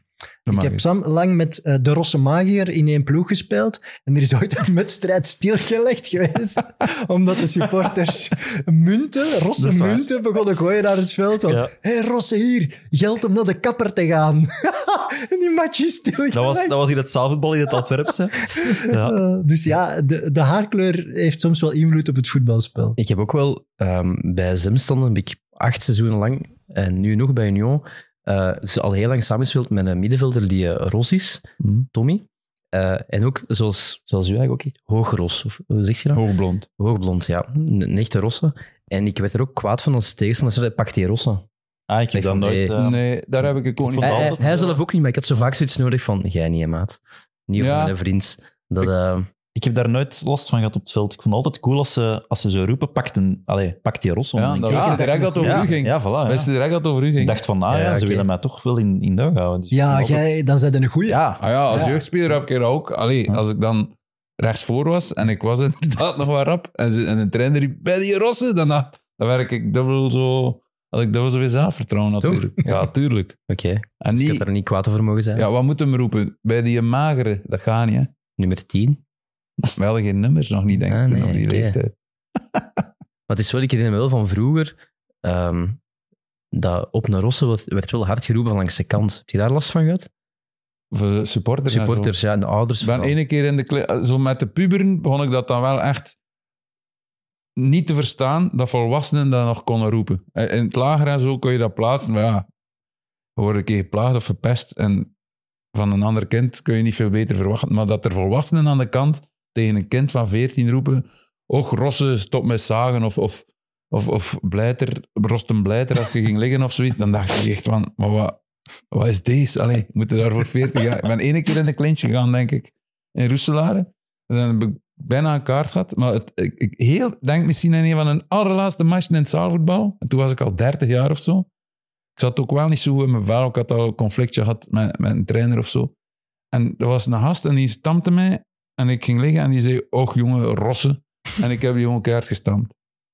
En dat was wel... Eigenlijk. Dat is, eh, en dat was wel omdat hij Rossen zei. En ik dacht, moet ik daar nu 30 jaar voor worden? zijn? Een schorsing gekregen? Ben gestopt toen, denk ik. Ik dacht- ik denk dat dat mijn laatste... Of de Ik- ik voorlaatste- zie dan. Zeg maar, ja, dat was mijn, een van mijn laatste matchen. Memoires van een mislukte Zidane. Bij de tweede druk aanpassen. Ja, maar ik kan veel mislukte dingen schrijven. Dus. Maar Sander, eh, jij, jij bent een racing-icoon. Dat was jij, zeggen Teven. Dat lag op je lippen, hè. ik zag het. Ik Jij bent denken, eh, racing... Ik moet positief zijn. Ja, ja, weet ja, je? maar- Je bent kind van Mechelen-Noord, Racing. Mechelen, groen-wit. En je had een geniaal verhaal dat ooit in de krant stond dat je was geselecteerd voor de eerste Man, man, man, man, man. Dat vind ik wel geniaal. Wilt je dat echt horen? Ja, tuurlijk. Ja, ehm, als het dan toch gaat over zo'n voetbaldromen die niet in vervulling geraken en daarover nadenken. Als ik zo soms emotioneel word, dat is nu wel even geleden, over voetbal, dan kan ik dat wel bovenhalen. Dus ehm, ik ben 20, ik speel voor het derde seizoen bij de belofte van Racing. Ehm, In tweede of derde klasse. is de dat derde klasse toen, Derde ja, ja, klasse. ja. En dat was ook het jaar dat de Mexicanen gingen toekomen. ja, ja, dat die al toegekomen waren. Eh, en ik speelde die voorbij twee seizoenen altijd bijna elke match mee. Maar ik kreeg nooit echt een kans bij de, bij de eerste ploeg. Zal ook wel aan mij gelegen hebben. Maar ik vond het wel raar, als je altijd alles speelt, waarom moet je eens niet mee? Bon. Derde seizoen, ik kom niet echt super scherp uit de voorbereiding. Op kamp geweest met de Giro. eh, Eden Hazard. Tweede ziet, ik was leider toen. Eh, ik, ging, ik had mijn eigen voorgenomen op kamp toch om de twee dagen te gaan lopen. Dat is dan niet gelukt. Ehm, ik train mee en ik voel wel dat die een trainer, dat is een nieuwe trainer, vertrouwen heeft in mij. Dus we beginnen wat oefenmatchen te spelen, maar ik heb echt ook een hele zware tweede zit, wat ook niet ideaal is. Ehm, en de eerste competitiematch komt op Oudenaarde. En ik, eh, ik, moet, ik moet eraf met de rust. Enkel omgeslagen. Ik was ook echt niet goed bezig. Ehm, dus ik wist van, oké, enkel omgeslagen, een paar weken rust. Ik kan mijn herexamens afwerken. Eh, de dag erna, dat was denk ik zoals mijn verjaardag of zo, krijg ik een bericht van iemand. Hé, proficiat. Ik zei, ik was, het was een dag na mijn verjaardag. Ik was gisteren jarig. Eh, nee, nee, nee, eh, je moet straks mee. Met racing thuis tegen Oudenaarde. En ik van, wow. Ik ging naar beneden, naar mijn vader. Ehm, ik sta in de krant blijkbaar. Kijk eens zo de, de wedstrijdkern, de mogelijke wedstrijdkern. En ik denk, ik was naam nummer 15 of 16, de geiter. En er was echt maar één de geiter daar, dus ik moest het wel zijn. Dus ik heb meteen aan mijn coach gezegd, weet als ik die, als ik een enkel goed intape en ik zwijg over die blessure en het gaat wel, ja, dan ga ik gewoon op de bank zitten. Hè. Eh, dus ik heb toch naar mijn coach gebeld van, hey coach, ehm, ja, ik sta in de krant, hè. ik mag mee met de eerste ben ploeg. straks. Ehm, denk het niet. Nee, nee, dat was gewoon korte Die- metten. Maar wist Amai. hij wist die wat zeggen dan? Dat is Ja, nee, van hoe? Ik weet niet wat... Ja, dat staat in de krant, coach. En je weet in de krant de dag, de prijs en de wedstrijdkern van Racing Mechelen, dat is juist. Altijd. De rest, daar kun je over twisten. Ehm, maar eh, ja, nee, dat was, bleek het toch niet waar te zijn. Dus iemand heeft echt zwaar op mijn kloten gerammeld. En Is dat doelbewust zo Oh, gedaan? oh, denk dat je? Dat is toch dat weet ik niet, maar traumatisch, misschien stond ik wel ergens op het blad of zo, hè, van ja, die moeten komende weken een keer meegaan en we gaan die, als die goed speelt op Oudenaarde, een keer laten proeven. Kan, ik heb er ook nooit En gevraagd. vergeten uit te wissen. Ja, want ik was toen ook gekwetst. Ik ben ook daarna... ehm, ik heb pas in maart of zo terug opnieuw gevoetbald, want ik ben geopereerd geweest. Dat is ook zo het verhaal van degene, Mhm. hè, de blessure en de carrière. Ehm, maar ja, dus dat was eigenlijk mijn momentje. En het is daarna nooit meer gebeurd. Oh, Dan is dat wel nee, hard. dat was echt... Nee, dat was helemaal gedaan ook. Ja. Ja. Och, man, dat vind ik wel eh, Pijnlijk. vrij traumatisch. toch? Ja, ik heb dat, ik heb dat onlangs nog pas tegen mijn beste vriend verteld en die, eh, die wist dat niet. En dan zei hij, denk ik, maar nu begrijp ik u beter. Alles wat daarna gebeurd is, is een gevolg van die niet-selectie. Van die een dag. Oh, Ja, dat is, dat is erger dan, dan iemand waar je als 16-jarige op verliefd bent en die niet hapt of zo. Nee. Dat is echt wel erg. Dat is echt wel erg, ja. Ja, en vooral ook zo de, de rollercoaster van emoties. Hè. Ik heb dan dat meegemaakt en dan die een tweede zit nog- dan nog zo boven u hangt. En, allee, bon, eh, Alles kwam samen. ik moest eigenlijk al met ons magen onderhandelen. Laat mij alsjeblieft vanavond die match spelen, want eh, Ik moet. met die ijszak zo naar beneden. Allee, ik, eh, Maar dat vind ik wel e- oh. echt super heerlijk aan u, dat jij voor een diehard Racing Mechelen fan bent. Daar zijn er soms te weinig van, van die, die clubs Ja. op lager niveau, dat die diehard fans, die hebben Maar- dat nodig. Eendracht Aalst, Racing Mechelen, Je Bergen weet ook, Sport. Die Hard Mhm. is... Ik, ben echt, ik hou van Racing Mechelen. Ik ben niet iemand dat elke week op die tribune zit, omdat ik zelf nog voetbal speel. Maar ik kom er wel heel graag. En dat is ook zoiets... Ja, dat is liefde voor de sport, zoals gezegd. Dat hebben die clubs nodig. Dat heeft voetbal ook gewoon nodig. Maar ja, dat draait toch niet meer om de sport. Nee. Maar ik Dat wil is wel dat, soort ik wil wel dat ze sociale winnen. En, maar dat is ook gewoon voor die mensen of zo. Ja, voor die club en voor dat, ja, dat instituut dat dat toch is, dat dat blijft voorbestaan. Want als die in provinciale... Die zijn een keer in provinciale beland, Racing Mechelen. Dat die echt pijn aan mijn hart. Dat kan toch niet dat je op Katlijnen moet gaan shoppen. Juist, die zijn in eerste provinciale Ja, ja, beland. ja. Hey, op Katlijnen, hoe is het allemaal? Heikant en ik ken al die namen. Bergendal. Schriek. Oh ja, dat is... eh, ja, dat doet pijn, hè. zeg, Dat wat hebben ze van het weekend eigenlijk gedaan? Ehm, goed. Dit weekend, eh, ja. Maar ja, deze uitzending wordt uitgespeeld op het moment dat dit weekend Nee. niet meer dit weekend Nee, is. maar dus je gespeeld. kunt zeggen wat je wil. Ja, dat is wel waar. Dat is wel waar. Eh, gewonnen van Sporting Hassel. Dat zou kunnen. Nee, Verluid als eh, Racing speelt tegen Jong KV tegenwoordig. Hè. Mhm. het was derby dan, afgelopen zondag, of een van de afgelopen zondagen, valt te zien wanneer het uitgezonden wordt.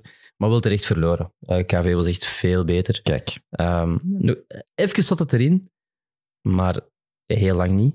Wat mij vooral ontgoochelde was een beetje de ehm, zo, gelatenheid op de tribunes. Echt een wedstrijdanalyse van een wedstrijd die drie weken geleden gespeeld is voor de luisteraars. Ja.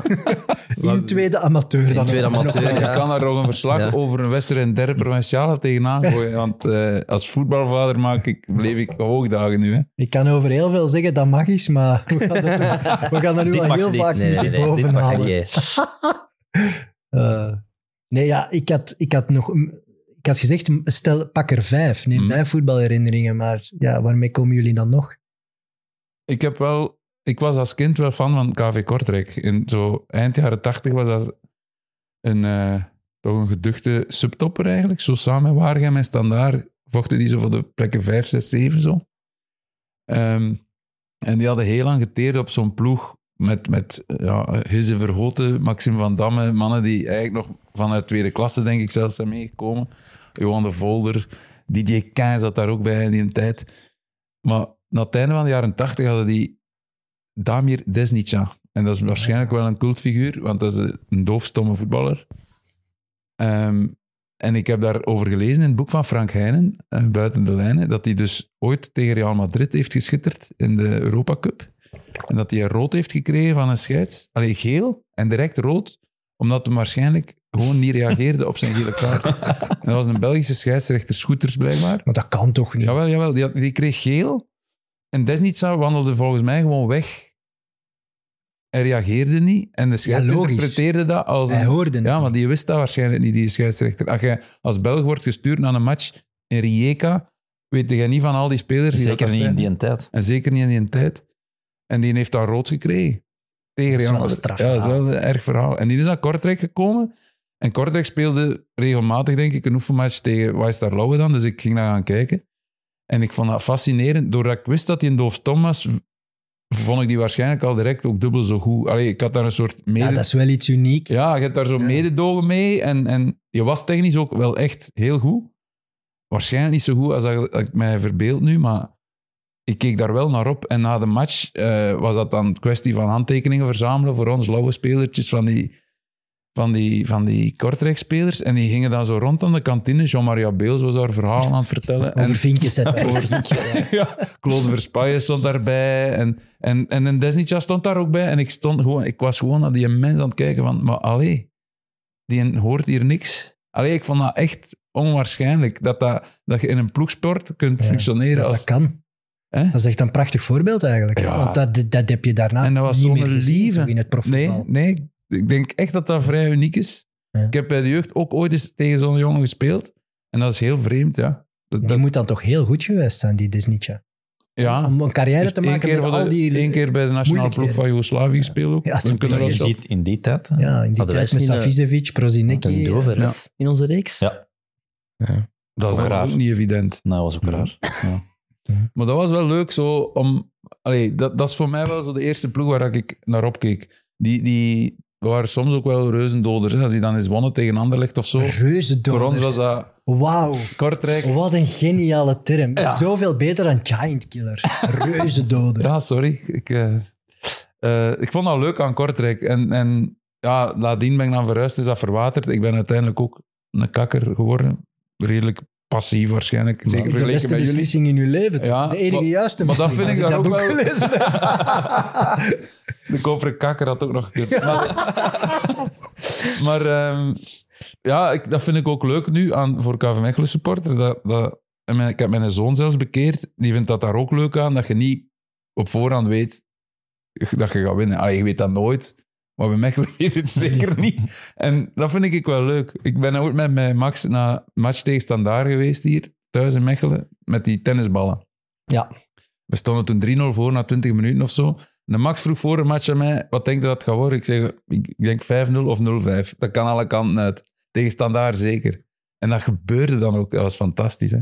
Dat vind ik wel leuk om van zo'n club te supporteren. Die wedstrijd, eh KV Mechelen Standaard, is ook iconisch voor een ander feit dat eigenlijk altijd onderbelicht is gebleven.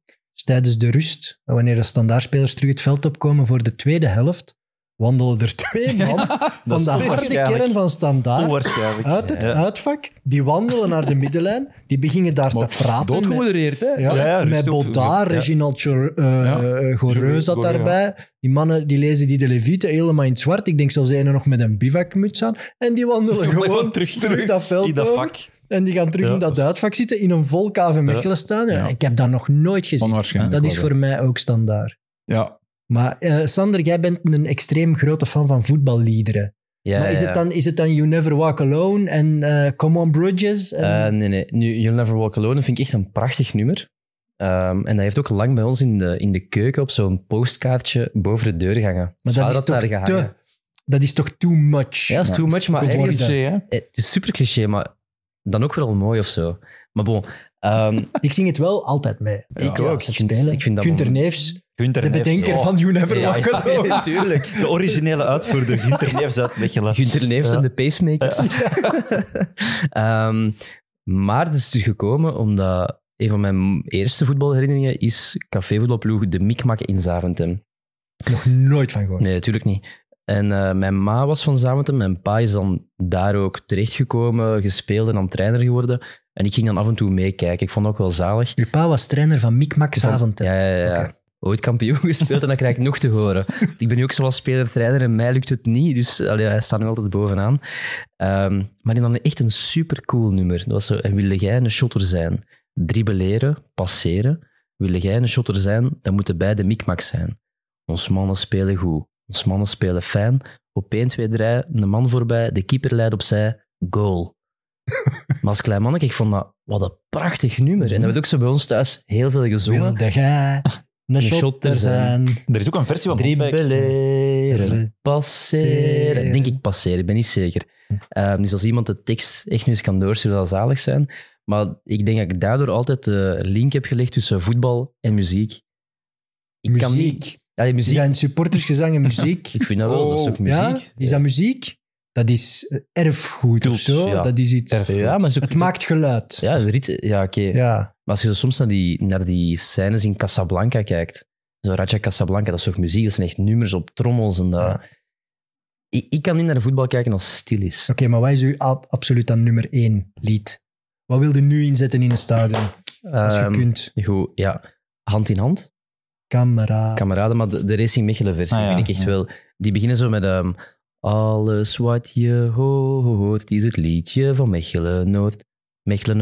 En dan gaan we naar het stadion. En dan zoeken we een plaatsje onder de zon. Onder de zon. En dan zingt het hele stadion. En dan die 500 man. In hand. Voilà, ze dan zo. Kameraden. Ja, maar jullie zijn ook een socialistische club. Hè? Dus Ja, ja, dat het komt kameradenlied moet daar ja. worden. En ik vond wel het einde vond ik altijd cool. Racing kampioen.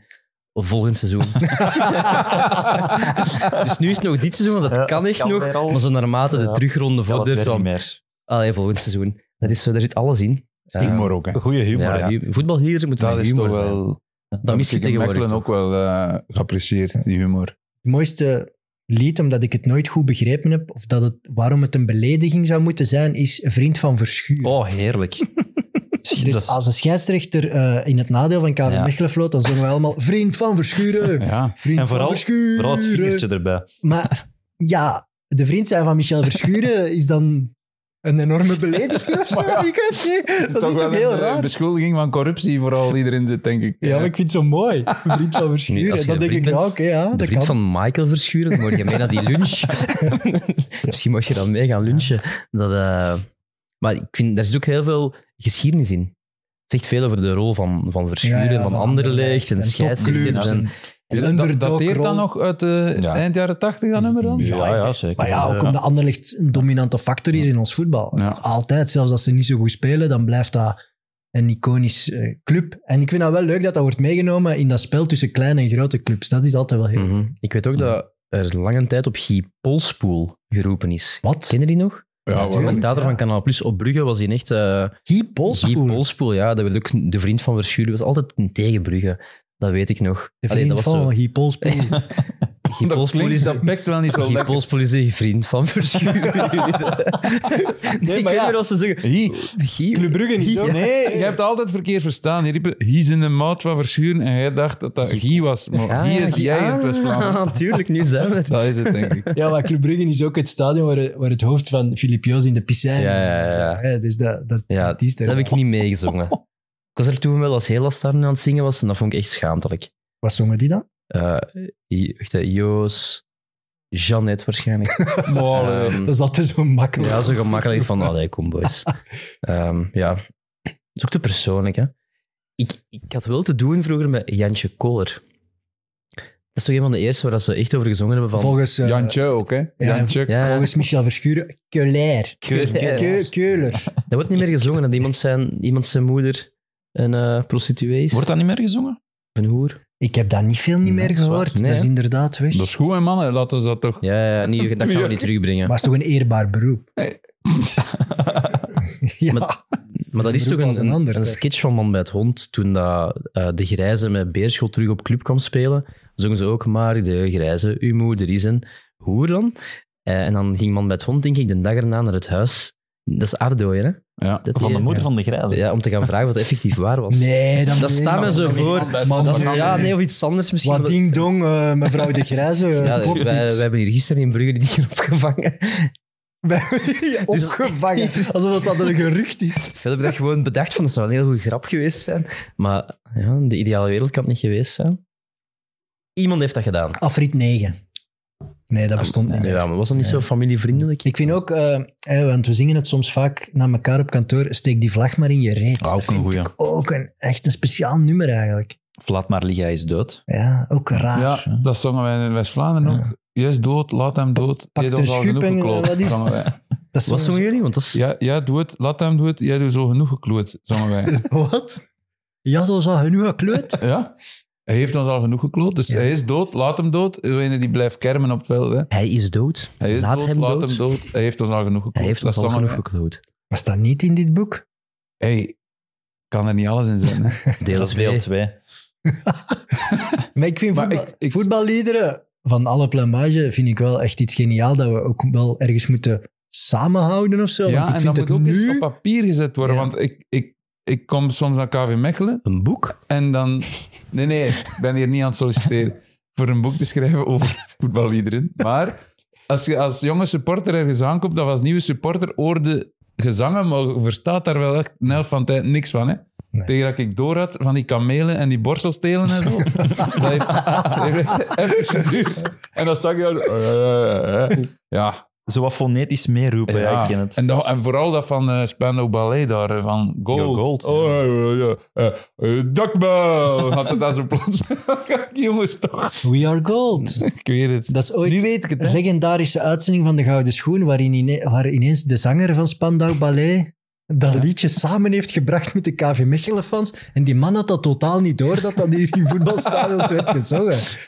Maar je, qua lieder heb je bijvoorbeeld, en dat vind ik wel heel knap, eh, Jacques Vermeijden met Nielies. Oh, Ja. En eh, ik denk Raymond van het Groenewoud Frankie over Frankie van der Elst. Elst. Dat zijn ook wel geniale ingevingen die in de jaren negentig wel konden. En nu Ja, maar ja, heb daar je dat toch niet meer. Ja, Dat is gelijk dat mondiale pintje halen en zo. Allee, voor ons is dat de max. Mondiale, Maar heeft- pintje. heeft Dat is Dam een geniale tekst hè, ook. Heeft Dam zo geen nummer gemaakt over de bruinen of zo? Ja, Dat Maar dat zo heeft niet meer niet meer zien. hetzelfde effect, hè. Dat zijn zo geen Een maat van mij meezingers of zo. zegt elke keer mijn WK, we moeten een liedje schrijven. Kunnen wij niet eens een liedje schrijven? En maar dat marcheert niet, jong. Ik heb ooit meegeschreven aan een liedje voor Wout van Aert. En, dat- dat- dat- wat moeten we, en dan, Eruit van. hè? ja, Wout van Aert wordt wereldkampioen. Ik heb dat meegeschreven met een, met een gast van de Welkom, dat bekend wielercafé in Noorderwijk. Jan de Smet heeft dat ingezongen. We hebben dat laten persen. Eh, dat was vlak voor het WK in Leuven. Omdat je moet het op voorhand persen, want als hij wereldkampioen is, moet je dat de maandag kunnen... Helaas verloren, dus ja, er liggen nog een paar dozen Dus je bent ook een, een, een mislukte songwriter eigenlijk. Ja, maar dat was op een bestaand nummer over Rick van Looy. Hadden wij gewoon al die namen veranderd. Nou, je hebt in 2021, of welk jaar dat Ja. ook was, nog cd's laten maken. ja, maar ik had u op voorhand wel kunnen zeggen dat dat Dat weet ik wel, maar dat zijn collectors items. Hè. Dat is voor, voor, wieler, voor wielerfreaks. Hè. Dat is niet dat dat... En ook wat dat, online stond dat ook allemaal klaar. Maar ja, Van Aert heeft niet gewonnen. Dus een beetje jammer. Dat staat op Spotify, kunnen we nog beluisteren. Ik denk nou dat dat, dat wel te vinden is, ja. Oké. Eh, Rutger, jij bent Ja. ooit het veld opgelopen met Michel Predom. Ja, Misschien wel een van de beste Belgische voetballers aller tijden. Ja, dat is dus het dichtste dat ik ooit bij een, eh, een wedstrijd in eerste klasse ben geraakt. Eh, ik was zeven jaar, dat was in 92. Ehm, en ehm, dat was toen nog... ehm, dus er waren supportersclubs van KV Mechelen en mijn papa zat in een van die clubs. En op een avond kwam hij thuis en hij zei, ja, ik ben aan de supportersavond geweest en eh, ik heb goed nieuws voor u. Je mocht eh, binnenkort mascotte zijn. Dus Dennis Essenni, een Hongaar van KV Mechelen, had uit een grote bokaal namen getrokken en ik was daaruit gekomen. Dus ik mocht De Rosse Magier. ja, toen, nog gewoon, toen nog gewoon nog Rutger Verbeek. Eh, Je dus, ik, een mega groot papier of zo. dus ik mocht mascotte zijn en dat was voor de wedstrijd tegen RWDM. Dus KV Mechelen RWDM, achter de kazerne in 1992. Tegen Mark Wuits. Ehm, en Edwin van Ankeren. Ja, Edwin oh, van topper. Ankeren ja. was een spits, maar die was, Cultfiguur ook. eh, die was toen gekwetst en er was een, een hele grote discussie van gaat hij meespelen, gaat hij niet meespelen. Ik heb dat ook weet. Ja, Ja, dat super, weet ik nog van die Super. match. Eh, hij heeft uiteindelijk meegespeeld. En, ehm, dus ik mocht mascotte zijn. En ik had daar heel veel van verwacht. Maar ehm, dat was een heel raar moment. Want ik, eh, ik mocht dus aan de kleedkamers. Ik mocht niet in de kleedkamer, maar aan de kleedkamers was een soort washok. Daar mocht ik mij omkleden. En ik heb het, eh, ik heb het shirt nog bij. Dus ik kreeg dit shirt. Wauw. Ja, De zevenjarige Rutger Verbeek in dat shirt. ja dus daar, ehm, dat mocht ik dan aandoen. Met een broekje en kousen. Dus ik had een, een volledige Gelukkig. outfit. Full kit. Full Ja. kit. Full kit. Ehm, dus ik mocht mij omkleden in dat washok. Dan moest ik wachten aan eh, het einde van de spelerstunnel. Al die spelers kwamen buiten. Michel Predom die kwam gewoon naast mij staan. Die bekeek mij niet. Die pakte gewoon mijn hand vast. Die zag lijkbleek, want die was zelfs voor een gewone competitiewedstrijd nog mega zenuwachtig. Dus dat was niet zoals je nu op tv ziet, zo, zo wat mopjes maken met die kinderen. Totaal niet. Super zenuwachtig. Ik gaf die een hand zo met die grote handschoenen. Ik mocht dan, ik mocht dan mee het veld op. Ehm, en dan ja, de plichtpleging, de TOS, ehm, alles gedaan. En dan mocht ik ja, één keer tegen die, tegen die bal shotten. Is er nog een foto genomen. En dan heb ik zo eens gezwaaid. Want ik had dat mij op voorhand wel eh, voorgenomen van ik wil wel even mijn momentje pakken. heb, ik, eh, heb ik gezwaaid en dan stond ik daar zo heel onwennig. Van ja, moet ik nu alleen teruglopen of hoe gaat dat? En dan, eh, dan eh, ben ik teruggelopen en dat is, ja, dat is het dichtst dat ik bij een eerste klasse carrière ben geraakt. Je weet het wel nog, seconde voor Ja. seconde. Hè. Heb je een Dat bal kunnen raken? Ja, ik heb hem één keer aangeraakt. Ja. En wat ik heel straf vind aan dat verhaal, eh, die outfit die Ja. kreeg je niet. Nee, dus dit eh, heerlijk shirt, eh, zal het nog maar eens laten zien. Dat mocht ik, eh, het- dus ik kreeg het niet, dus geen cadeau of zo. Mijn papa heeft daarvoor moeten betalen. Dus anders ging dat gewoon naar de volgende mascotte. dus ik ben heel blij dat hij dat toch heeft gedaan. Dat Big ik, eh, business, eh, dat ik dit, businessmodel een toen. prachtig, eh, wat is ook, het is ook geen echte, er staat ook zelfs geen, geen kledingsponsor of zo op. Dus ehm, Ja, het is wel mooi. ja, Het is ook uniek. Het, ja, Het is een zeker match-worn mascot. Nee, Match-worn, Match, pre- pre-match-worn mascotte, full kit. full kit 1992. Michel eh, Predom Michel Predom. barely looked. Ja, ja wa- want dat weet ik nog. Die, die mens, Like die, Blake. die mens had dus die, die had al eh Europa Cup finales gespeeld en, en titels gewonnen. En voor een gewone competitiewedstrijd was die zo zenuwachtig dat hij Ja. zelfs niet tegen een, een mascotte. Dat vond ik- Juist omdat je ros waard. Misschien had, Ah, hij- zo, hij was ja. zeer bijgelovig. Ja. En misschien eh, brachten rosse mensen ongeluk. Mhm. Dat kan Ah, natuurlijk. zo ja. Hoe dat Hoeveel was het? Hoeveel was die match? Ah. 2-0. Ik denk twee keer Mark Emmers, als ik het mij goed Ah, herinner. de gamma. Ja, ja, die was ook een, Die was, hij ook niet een, be- was hij een beetje ros? Of zo? Ja, Nee, een beetje blond, wel. hè? Ja. Nee, jawel. Dat is een hele goede moet- voetballer. Daar, Oké, daar maar- moet ook eens die duidelijkheid over geschept Wie is er ros en wie is er Wat niet is ros? ros, wat is Ah, ja, blond, oké. wat is... Ah, ja. Sorry, want De- de- een ander jeugdidool van mij, Foukeboy, We gaan het niet over de vraag. schakeringen van haarkleur hebben, Nee, maar maar- wel over voetbaltalent. Ah, wel. Oké, Foukeboy. Is die ro- Eerst, voordat ik vertel over voetballer, is, dat, is die ros of niet? Ja. Net niet. Dat is Nee. Ronald Koeman. Vinden jullie die ros of Nee, niet? Ronald Koeman net, is niet ook ros. net niet. Ah, ja, ik vind dat ook. Maar mijn- Ja. sommige mensen vinden dat. Maar los daarvan, Fouke Boy ook wel een van mijn jeugdidolen. We zijn daar juist ook Kevin De Bruyne vergeten in onze ploeg te zetten. Ah, wel, maar dat is hetzelfde. Ja, Toch? ook niet. Is die vuurrood? Mm, Allee, is die- nee. Die kan wel Ik, ik vind vuurrood die niet worden. Ros, sorry. Nee? Ik zou hem heel graag Ros vinden, maar lukt Nee. mij niet. dan speelt hij met mijn ploeg. Geen probleem. Jij blondel al. ja. Het is wel een aderlating voor ons elftal. Eh Sander, jij had van memorabele wedstrijden wel een geniale match doorgestuurd. Moet ik u voor complimenteren. Ja. Milan, Liverpool. Oh, ja. ja, ja. 2005 Oh, ja. Champions League finale. Ja, ja. Ehm, Dat is, vind- is Jared een Rosse? Nee, ja. Nee, nee, nee, nee, nee. Nee, maar ja, dat is het. Maar nee, Riese zo- wel. Ik- Riese, Riese, Riese, ja, die Riese, doet mee in die tuurlijk. match. Ja. Ben jij kleurenblind misschien? Eh, ja. Ah, ja. Nee, maar zo de bruine, bruine donkerrode schakeringen wel, maar bon. Ehm, ja, mag je erover praten, over die match? Oh, Ja, dat is ook een match waarvan ik weet waar ik was toen ik ze zag. En Voilà. dat is u vaak uniek. Toch, hè? Ja. Ik heb ook vroeger, eh, dus voor ik bij jullie kwam werken, eh, heb ik bij Belga gewerkt en moesten we vaak zo de vroege shift doen. Dat begon om zes uur aan die computer, veel tikken, vertalen, nalezen. En tegen elf uur word je wel moe. Dan ben je al vijf uur aan het werken. En dan had ik zo een beetje een ja, adrenalinestoot nodig van, ik, ja, ik moet er terug in geraken. Koffie werkt ook niet meer. En dan keek ik echt vaak naar de samenvatting Liverpool-Milan. Gewoon die remontada.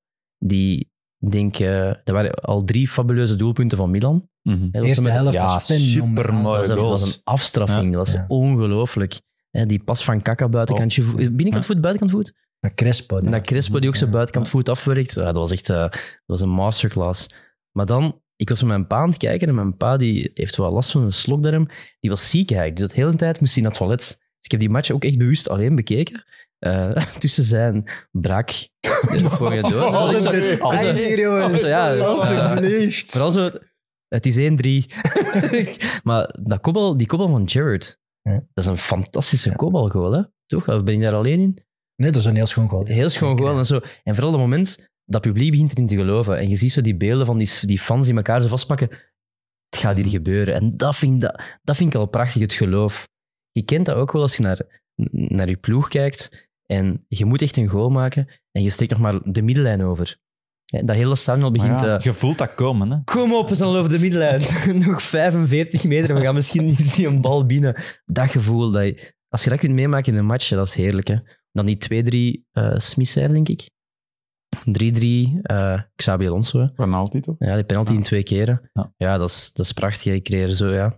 Echt kippenvel. Ik, ben niet eens, Was je voor Liverpool of Milan op voorhand, of maakt er dat niet uit? eh, ik was als klein manneke denk ik wel een beetje voor Liverpool. Maar ik ben eigenlijk Aston Villa fan. Dus wel voor Engels Maar voetbal, als je denk naar ik. die match kijkt... Ah, Liverpool, ja. Ja. Ook Maar- weer al de underdog, denk ik. Mhm. Het is, Milan was veel te goed, hè. omdat je het had doorgestuurd, heb ik het nog eens opgezocht. Het is misschien wel de, de strafste ploeg die een finale verloren heeft. Hè. Als je Mhm. gaat terugkijken, dan Milan was Ja, was fenomenaal. ja. sterk. Ja. Ik heb het opgeschreven, dus van achter had je Maldini, Stam, Nesta, Cafu. Hoe dat je daar drie keer tegen kan scoren, vind ik al onwaarschijnlijk. Daarvoor had je Pirlo Gattuso, ideaal. Op 10 had je Kaká, Seedorf ook nog, en dan Shevchenko en Crespo. Man, man, man. Dat is een waanzinnig elftal. En Ja. Rui Costa valt nog in in die match. Die hadden zoveel talent en die van een 3-0 achterstand, ik denk dat dat bij AC Milan moet dat een van de zwartste Ja. dagen uit de geschiedenis zijn om met die ploeg Maar dat nu, te verliezen. nu we hier toch een, een echte schrijver bij ons hebben, zou ik graag een brugje maken, als dat mag, Ehm, naar een boek. Heb je het boek gelezen, Liverpool, van James Worthy? Nee, helaas niet. Nee, of niet? Thijs, lezen. Ja. Echt, dat is een tip. Dat is een van de mooiste boeken die ik de laatste jaren gelezen heb. Heb jij het gelezen? Nee.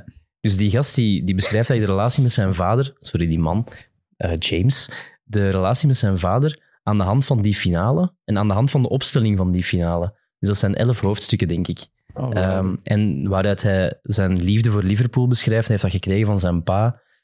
Vanaf pagina 1 had ik tranen in mijn ogen. Omdat je zo echt de liefde voor een club voelt aan de hand van een historische gebeurtenis. En hij heeft die ook heel intens gedeeld met iemand die hij graag ziet. En dat is ook wat voetbal omdraait, zodat kunnen delen met iemand. Zeker, het is Absoluut, vaak van is- vader op zoon of Ja. van grootvader op eh, kleinzoon. Dat, dat, Mm. dat is ook voetbal. Daarom worden nu nog altijd jongens geboren die fan worden van een Kortrijk of een Mechelen. Want anders zouden die Ja, allemaal voor een voilà. PSG of een Barça of een Man City gaan. Is Het is net omdat die familiale band er is, dat er ook nog wel veel gasten fan worden van een andere club. Want Van uw een pa was club. geen KV-fan, hè? Nee, dat is, eh, dat is ook een strafverhaal natuurlijk. En mijn pa was van Lier en mijn moeder van Boom. En die hebben beslist om dan in het midden te gaan wonen Mhm. in Mechelen. Maar mijn pa was een die-hard Lierse fan. Echt niet normaal. Eh, een van zijn beste vrienden was ook de clubdokter van, van Lier. Hij was zelf ook arts en hij speelde in een artsenploeg die speelde in Lier.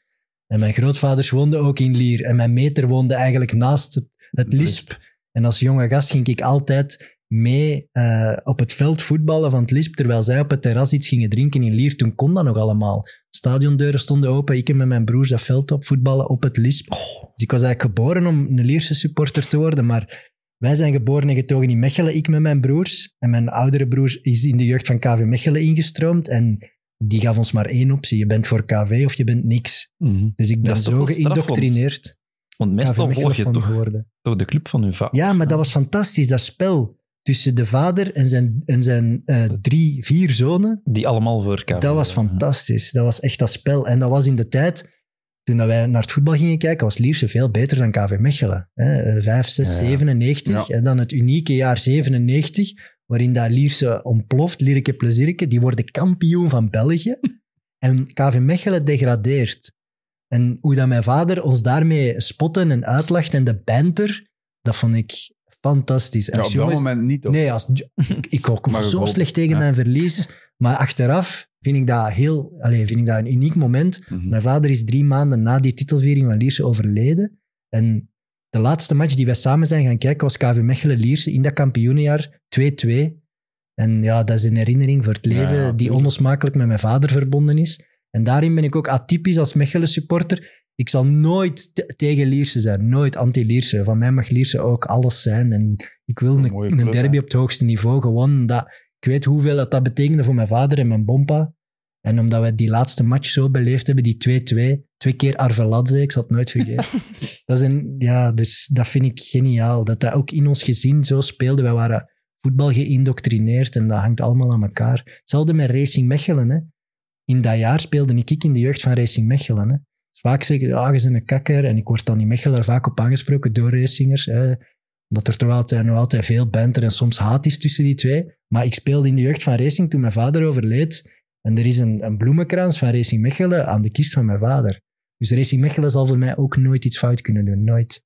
Daarin ben ik ook een atypische kakker, denk ik. Maar dat vind ik... Dat vond ik een fantastisch Oh, gebaar van Racing Mechelen. Pas juist mooi. 12, hè. Ik bedoel, die club, ja, dat die met al die jeugdspelers zo begaan waren, ik vond dat fantastisch. Ik zal dat nooit vergeten dat Dat dat, er was. Dat is toch zo die affiche, of dat spanning nog een keer ergens omhoog hangen heeft. Verdriet kent geen kleuren. Nee, dat is ook echt zo. En ja. eigenlijk is dat heel cheesy, maar dat ik zo Ja. dingen zie, dat raakt mij echt. Maar ja, Ik raak door veel, weinig dingen Als dat op- geëmotioneerd. als dat Maar dat- voetbalgerelateerde emotie. vind, is dat, dat op, op bepaalde momenten is er echt regelrechte haat tussen groepen supporters. En als het dan inderdaad over verdriet gaat, dan is er plots wel solidariteit. En dan maakt het misschien net extra mooi. En dan krijg ik ook Mhm. altijd de krop in mijn keel als ik Ja, ja. op tv. Maar tegelijk betreur ik het dan toch wel altijd dat die een andere kant nog altijd bestaat. Ja, Ja, want die span, dat spandoek gaat weg. dat, ja.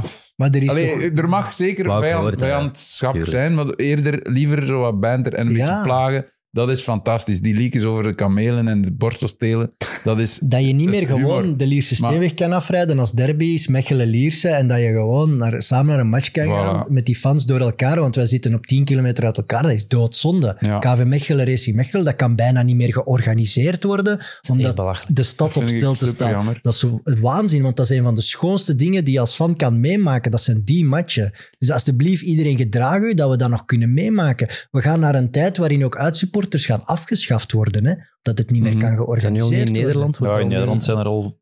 Ik heb Ja. een paar Maar ja, bo, die rant kan ik nog... Dan heb ik een nieuwe Damagis nodig om het daarover te hebben, want dat vind ik doodzonde. Stem, stem dan- nu, dan- vernieuwen dat mag eens. Er worden gewoon prachtige voetbalmomenten afgenomen van, van fans, omdat er een paar zijn die het helemaal verpesten. Ik heb drie weken geleden een van de mooiste voetbalavonden van mijn leven beleefd. In derde provinciale, sorry dat ik er toch over begin. Het zat op het puntje van uw top. Ja, SKS Herentals, VC Herentals. VC Herentals is de club die ontstaan is uit KFC Herentals, dat 20, 30 jaar geleden even in tweede klasse heeft gezeten met Bruno Versavel en zo. Tegen KV Mechelen. Dat was de club van stad. En SKS was zo... Allee, dat is ook een fusie van CEFA en SK. Ik ken die geschiedenis zelfs niet zo heel goed. Ik ben niet geboren in Herentals. Maar dat was zo meer de volkse club. En de, de rood-wit keek neer op de, op de SKS. En ondertussen is dat, zijn die waardeverhoudingen een beetje veranderd. We praten over een dorp. Stad, hè? Herentals is stad. Sorry. Even toch, allee, provinciestad. En vorig jaar, of twee jaar geleden, is SKS van vierde naar derde gepromoveerd. En vorig jaar is VC van tweede naar derde gedegradeerd. Dus voor het eerst in twaalf jaar spelen die tegen elkaar. Dat bestuur komt niet overeen. Fusiegesprekken draaien altijd op niks uit. Allee, dat is een lang verhaal. Maar er is, er is zelfs op dat niveau voelde in de stad een soort van vijandschap of het water is te diep. Ja. ja. Dus ik was wel een beetje nerveus naar die match toe. Te meer, en dat is natuurlijk dan mijn persoonlijk verhaal, mijn ene zoon speelt bij de SKS en een andere bij de. DC. Dus dat was de max. Bijna bijbels. Ja, en eh, over emoties gesproken, mijn jongste... Heten ze ook Kain en Abel? Nee, nee. maar dus de oudste zit bij de SKS. De, de andere zit sinds dit jaar, ook, ook doordat de VC een beetje in problemen zit, moeten die jeugdspelers heel vroeg brengen. Die jongen mag al wat meedoen met de eerste ploeg, maar hij moest in de namiddag nog met de reserve shotten. En hij blesseert zich daar. En die belt mij op. Ik kon niet gaan. Ik, belt mij op aan het huilen. Van, ik ga die match vanavond tegen de Daan missen, tegen de VC.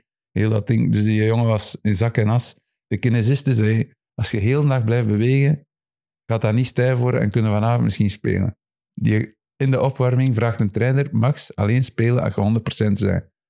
Max zei achteraf tegen mij, Tarara. Was ik natuurlijk geen 100%. Maar heeft dus die match is ingevallen in de tweede helft. Hij heeft gescoord. De Daan heeft gewonnen, de Max heeft gescoord. Maar wat ik eigenlijk vooral, toch even vermeld, wat ik vooral wilde vertellen is, er was 1200 man. Een derde provinciale. Heel de provinciestad was daar.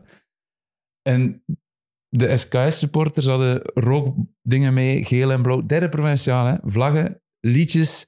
Waar is de jeugd? Waar is de jeugd? Waar is de jeugd van de VC? Want die zijn de loop der jaren allemaal naar de SKS gegaan. Dus ze, ze die plaagstoten. En de mannen, de jeugd van de VC zo aan, achter de andere goal. Die hadden zich wel in het zwart gedaan, maar niet uit een soort agressie, maar om, om op te gaan in de duisternis. En plots hadden die van die rode Bengaalse vuurpijlen boven. In het donker, zo allemaal. Derde provinciaal, hè? En er is niks van vijandschap meer geweest, heel die avond. En ik heb genoten, jongen, niet normaal. En dat gaat dus niet meer in, op, in hogere klasses. En in derde provinciale gaat dat wel. Nee, En daarom ga ik zo graag nog altijd naar die lagere niveaus. Alles is daar chiller en plezanter. En ook in het jeugdvoetbal is dat zo. En dat, ik, ik, ik, ik geniet daar veel meer van voetbal nu dan van eerste klasse of Europees voetbal. Dat is nu mijn voetbal de laatste jaren. En ik vind dat dik oké. Ik begrijp dat ook. Maar ja, dat is ook... Uw zonen zo- zo'n Ja, wedstrijd zien spelen is mooiste het allermooiste. Dan hoeft dat geen volkamp nou te zijn als je dat hebt meegemaakt. Ja, voilà. Ja, ja, ik zeg het. Ik beleef nu mijn meeste emotionele voetbal via mijn zonen. Dat is een feit. Ehm, maar, maar het gaat mij ook gewoon over, over die sfeer, wat we daarnet zeiden, over die kleedkamers en over die, die rituelen van... eh, die, die spelers die na de match, als ze gewonnen hebben, komt de kapitein de kantine binnen, bestelt een bak bier, gaat terug naar de kleedkamer. En een minuut later staat die foto op Facebook van heel die ploeg die daar zo met pinten en anders Ik staat te had altijd Ja. vreselijke stress om dat te moeten gaan halen, want dan werden 20 pinten op zo'n eh, zo'n aluminium hadden gewoon een bak, hè, bij ons. En die moesten blijven staan totdat je aan die kleedkamer was en je zat daar op je toppen. En eh, ja, als er zeven pinten omver vielen, was de kapitein al goed pist. Dat waren wel stressmomenten, moet ik zeggen. Die 20 meter tussen de kantine en de cabine. Meer dan de match. Nee, maar ik, ik, dat- ik geniet daar echt van, ja. Ik vind dat echt leuk. En dan kom je ook zo op plaatsen, Flanderia Ravels en, en Lentezon Beers. En allee, dat, is fantastisch, hè. Ik vind dat... Maar wat je nu merkt, ik weet niet, je kunt ze op Instagram Ultras Belgium Crew volgen. Dat gaat dan over de eerste klasse Ultras. Ja. Maar die posten ook heel veel over lagere reeksen. Heel veel jongere mensen kijken op naar wat er hoger gebeurt. En nu dat dan na, zoals jij ook zegt, Ja, Bengaals vuur in de provinciale. En die amuseren zich daar echt kapot. Hè? ja. Ook geen politie, dus ze worden ook niet opgepakt. Maar als dat Zonder... zonder... alleen dat dat niet ontaart. Ja, voilà, als het niet ontaart, hoop ik dat die mensen, of die jonge gasten ook, en, en meisjes, daarvan gaan houden en blijven kijken. Ik weet bij FC Zems, dat is ook derde provinciaal, hebben ze ook zo'n een jonge crew van Mhm. 16, 17-jarigen. Die komen elke wedstrijd kijken en hebben zo'n rookpot mee en trommels. Ja, hoe graaf is dat? Als je op dat niveau voor sfeer, met sfeer kunt spelen, dat is, toch, eh, Fantastisch. dat is echt fantastisch. Ja. Voor weekend was, was er drie man mee van Wezelsport B. Die zitten ook in derde provinciale. En er stonden met drie achter de goal met een vlag Toch nog een vlag mee. en een megafoon. Met drie. Respect voor. Wezelsport. Maar ja, jong, dat was zalig. Dat, is, dat is toch een max. Ik denk wel dat, dat de ultieme cirkel rond is. Hè. We zijn begonnen over het jeugdvoetbal en we zijn er automatisch eigenlijk terug bij beland. En het gaat toch weer over uw boek. Jij bent toch... Maar jij bent is een, een commerçant. Ja, voilà, jij bent een slimmerik. Ehm, komt er ooit een vervolg, denk je, op dit boek? Ehm, Want wat moet er gebeuren om een, om een vervolg te kunnen schrijven? maar vervolg moet niet per se. Ik, heb, ik ben wel weggebleven van dat elitevoetbal. Dus dit is echt over mijn voetbal in provinciaal niveau en eigenlijk zelfs over mijn kinderen van moeten die de stap zetten naar hoger. Maar ooit, als, en daar ga ik misschien mee wachten tot mijn jongens niet meer shotten of toch zeker niet meer elitevoetbal. Ik heb daar wel heel veel bedenkingen over, over hoe het jeugdvoetbal gaat. Maar dat zal dan minder... Allee, dit is nogal ironisch, nostalgisch. Er zit een beetje humor in, een beetje ontroering. Dat, over jeugdvoetbal wil ik zo wel eens een ernstig boek maken ook, want ik vind dat daar nog heel veel over te vertellen valt. Ik vind eigenlijk dat we wel een nieuwe rage moeten starten. Dus je hebt biografieën van eh, Beckham, Gascoigne, Letizier, Zola. eh, noem ze maar op. Elke profvoetballer heeft zijn biografie. Laten wij beginnen gewoon van onszelf biografieën ja. maken. Dus we hebben nu Thijs Del Ru, Sander de Geiter, Rutger Verbeek. Ja, begin er eens aan. Schrijf die van jullie ook. Oh, en dan maken we een Maar het aparte probleem met die boekenkast met biografieën dat is, soort biografieën. die biografieën, dat is altijd in hindsight. Dus die schrijven over matchen van 20 jaar Ja. geleden. Ik en ook, maar ik heb wel geprobeerd vanuit het standpunt van de speler te doen. En dat gebeurt veel te weinig, vind ik. Een, boek dat, dat, dat mij geïnspireerd heeft om dit te doen is De Renner van Tim Krabbe. Over een wielerwedstrijd vanuit het standpunt van de renner. Maar hoeveel boeken over voetbal worden zo geschreven? Te weinig, vind ik. Even nog een vraag thuis erover. Is allemaal juist, alles wat je schrijft? En hoe weet je dat nog? Ja, dat vroeg je Rutger Ja. ook daar juist. Eh, ik heb wel... Ik denk dat dat wel een beetje bewijst hoe, hoe hard dat ik al, al na... Ik bedoel dat niet pretentieus, maar ik dacht te veel na als voetballer. Dus ik zal daardoor bepaalde dingen wel goed onthouden hebben. Ehm, maar ja, het is wel allemaal waar. Ik- zeg niet dat elke pas van exact die persoon kwam. Maar alles wat erin staat is wel echt gebeurd. En soms heb ik dingen vermengd om het korter te maken. Allee, om twee matchen in één of zo. En het is ook Ja. een verheerlijking van een paar randfiguren die soms in je jeugd een belangrijke rol hebben ja. gespeeld. Een delegé, een trainer. Een delegé De die madame aan vijf de frank kantine. toesteekt omdat je Ja. anders geen hotdog kunt kopen. Dat is toch, dat is Dat toch een held voor de rest van je leven? Die mensen vergeet je nooit meer. Ja. En die anekdotiek kan je wel in zo'n biografie Voilà. steken. En die zal niet altijd bij een topvoetballer in zijn biografie staan. En dat vind ik wel zalig. Het prikkelt. Noemt is geen, geen topvoetballer. Die, die de foto, De foto de is foto heeft, alles om het, wel, Ja. Om het wel te zijn, een profvoetballer. Dit dat zo een jonge, jonge kunnen zijn die dan later naar het WK ging. Ik vind het een prachtige ja. foto. En dan de penalty miste. Dat staat er ook in. Kijk, De, goddelijke rostekop. Eh, nee, ik wil u heel hard bedanken. Wij gaan er ook weggeven, denk ik, via onze Instagram. Eh, ik denk dat we drie exemplaren eh, kunnen weggeven van, van dit boek. Ik zou zeggen dat ze moeten commenten met een herinnering uit hun eigen jeugdvoetbal. Ja. Eh, en dan Dat mag zeker. Daar, daarvan kiezen we drie schone verhalen en die krijgen dan de koperen kogel, memoires van een mislukte Messi. Eh, Rutger, bedankt. Ik Sander- even nog inbreken. Ja, tuurlijk. Heb jij nog Ik heb iets? nog een gedichtje geschreven. Och, We kunnen dat magisch niet eindigen zonder gedicht van Allee, Sander. als het mag. Nee, je hebt gelijk. Ja? Ja? Heb je Zeker? het opgeschreven in je boekje? Ja, nee, dus het staat niet in mijn boekje. Het staat mijn gsm, maar ik te weinig tijd had omwille Je van bent zo modern omstandigheden. geworden. Ja, maar ik, ik zal het in mijn boek leggen dan. Hè? Ziet je dat op de camera? Nee, je ziet dat niet, hè? Oké. ehm, Over wat gaat het? over van alles. Oké. Ja, het is... Ja, oké. Vier jaar. V- Ik ga opnieuw beginnen. Vier jaar. Vier jaar is een heel lange tijd. Het is ondertussen vier jaar geleden dat mijn oudste dochter Michelle geboren werd. En wat een dochter. Ze danst, ze zingt, ze lacht, ze springt.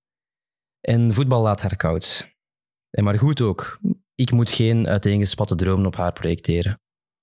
Want die dromen waren er wel bij ieder van ons. In de tuin, het park, het pleintje, op het veld. Ieder van ons heeft ooit gedroomd om ooit de man te zijn. Bezongen worden door duizenden. Geliefd door de mensen in de kleuren van je hart. Het draaide anders uit. Maar niet in verdriet. Want uit die droom groeide liefde. Liefde voor een onnozel spel. Gedeelde liefde voor een onnozel spel. Vier jaar is het ondertussen ook sinds de laatste uitzending van Damagis. Een podcast in zijn kinderschoenen waar die gedeelde liefde van afspatte. Er valt niet veel uit te leren. Al, ont- al onthoud ik wel een belangrijke les. Of je nu international bent, of in eerste klasse, tweede klasse, provinciale of het cafévoetbal zit, als je echt lang genoeg volhoudt, eindig je ooit eens in Mid-Mid. Dank u wel. Ja, dat is de beste noot om op te eindigen. Dat is, dat is mit-mit, dat mag is. Merci Rutger, merci Sander en eh, merci thuis. En eh, merci om te kijken en te luisteren natuurlijk. Volgende week zijn wij er terug. En dan zit hopelijk ook Sam hier terug. Tot dan.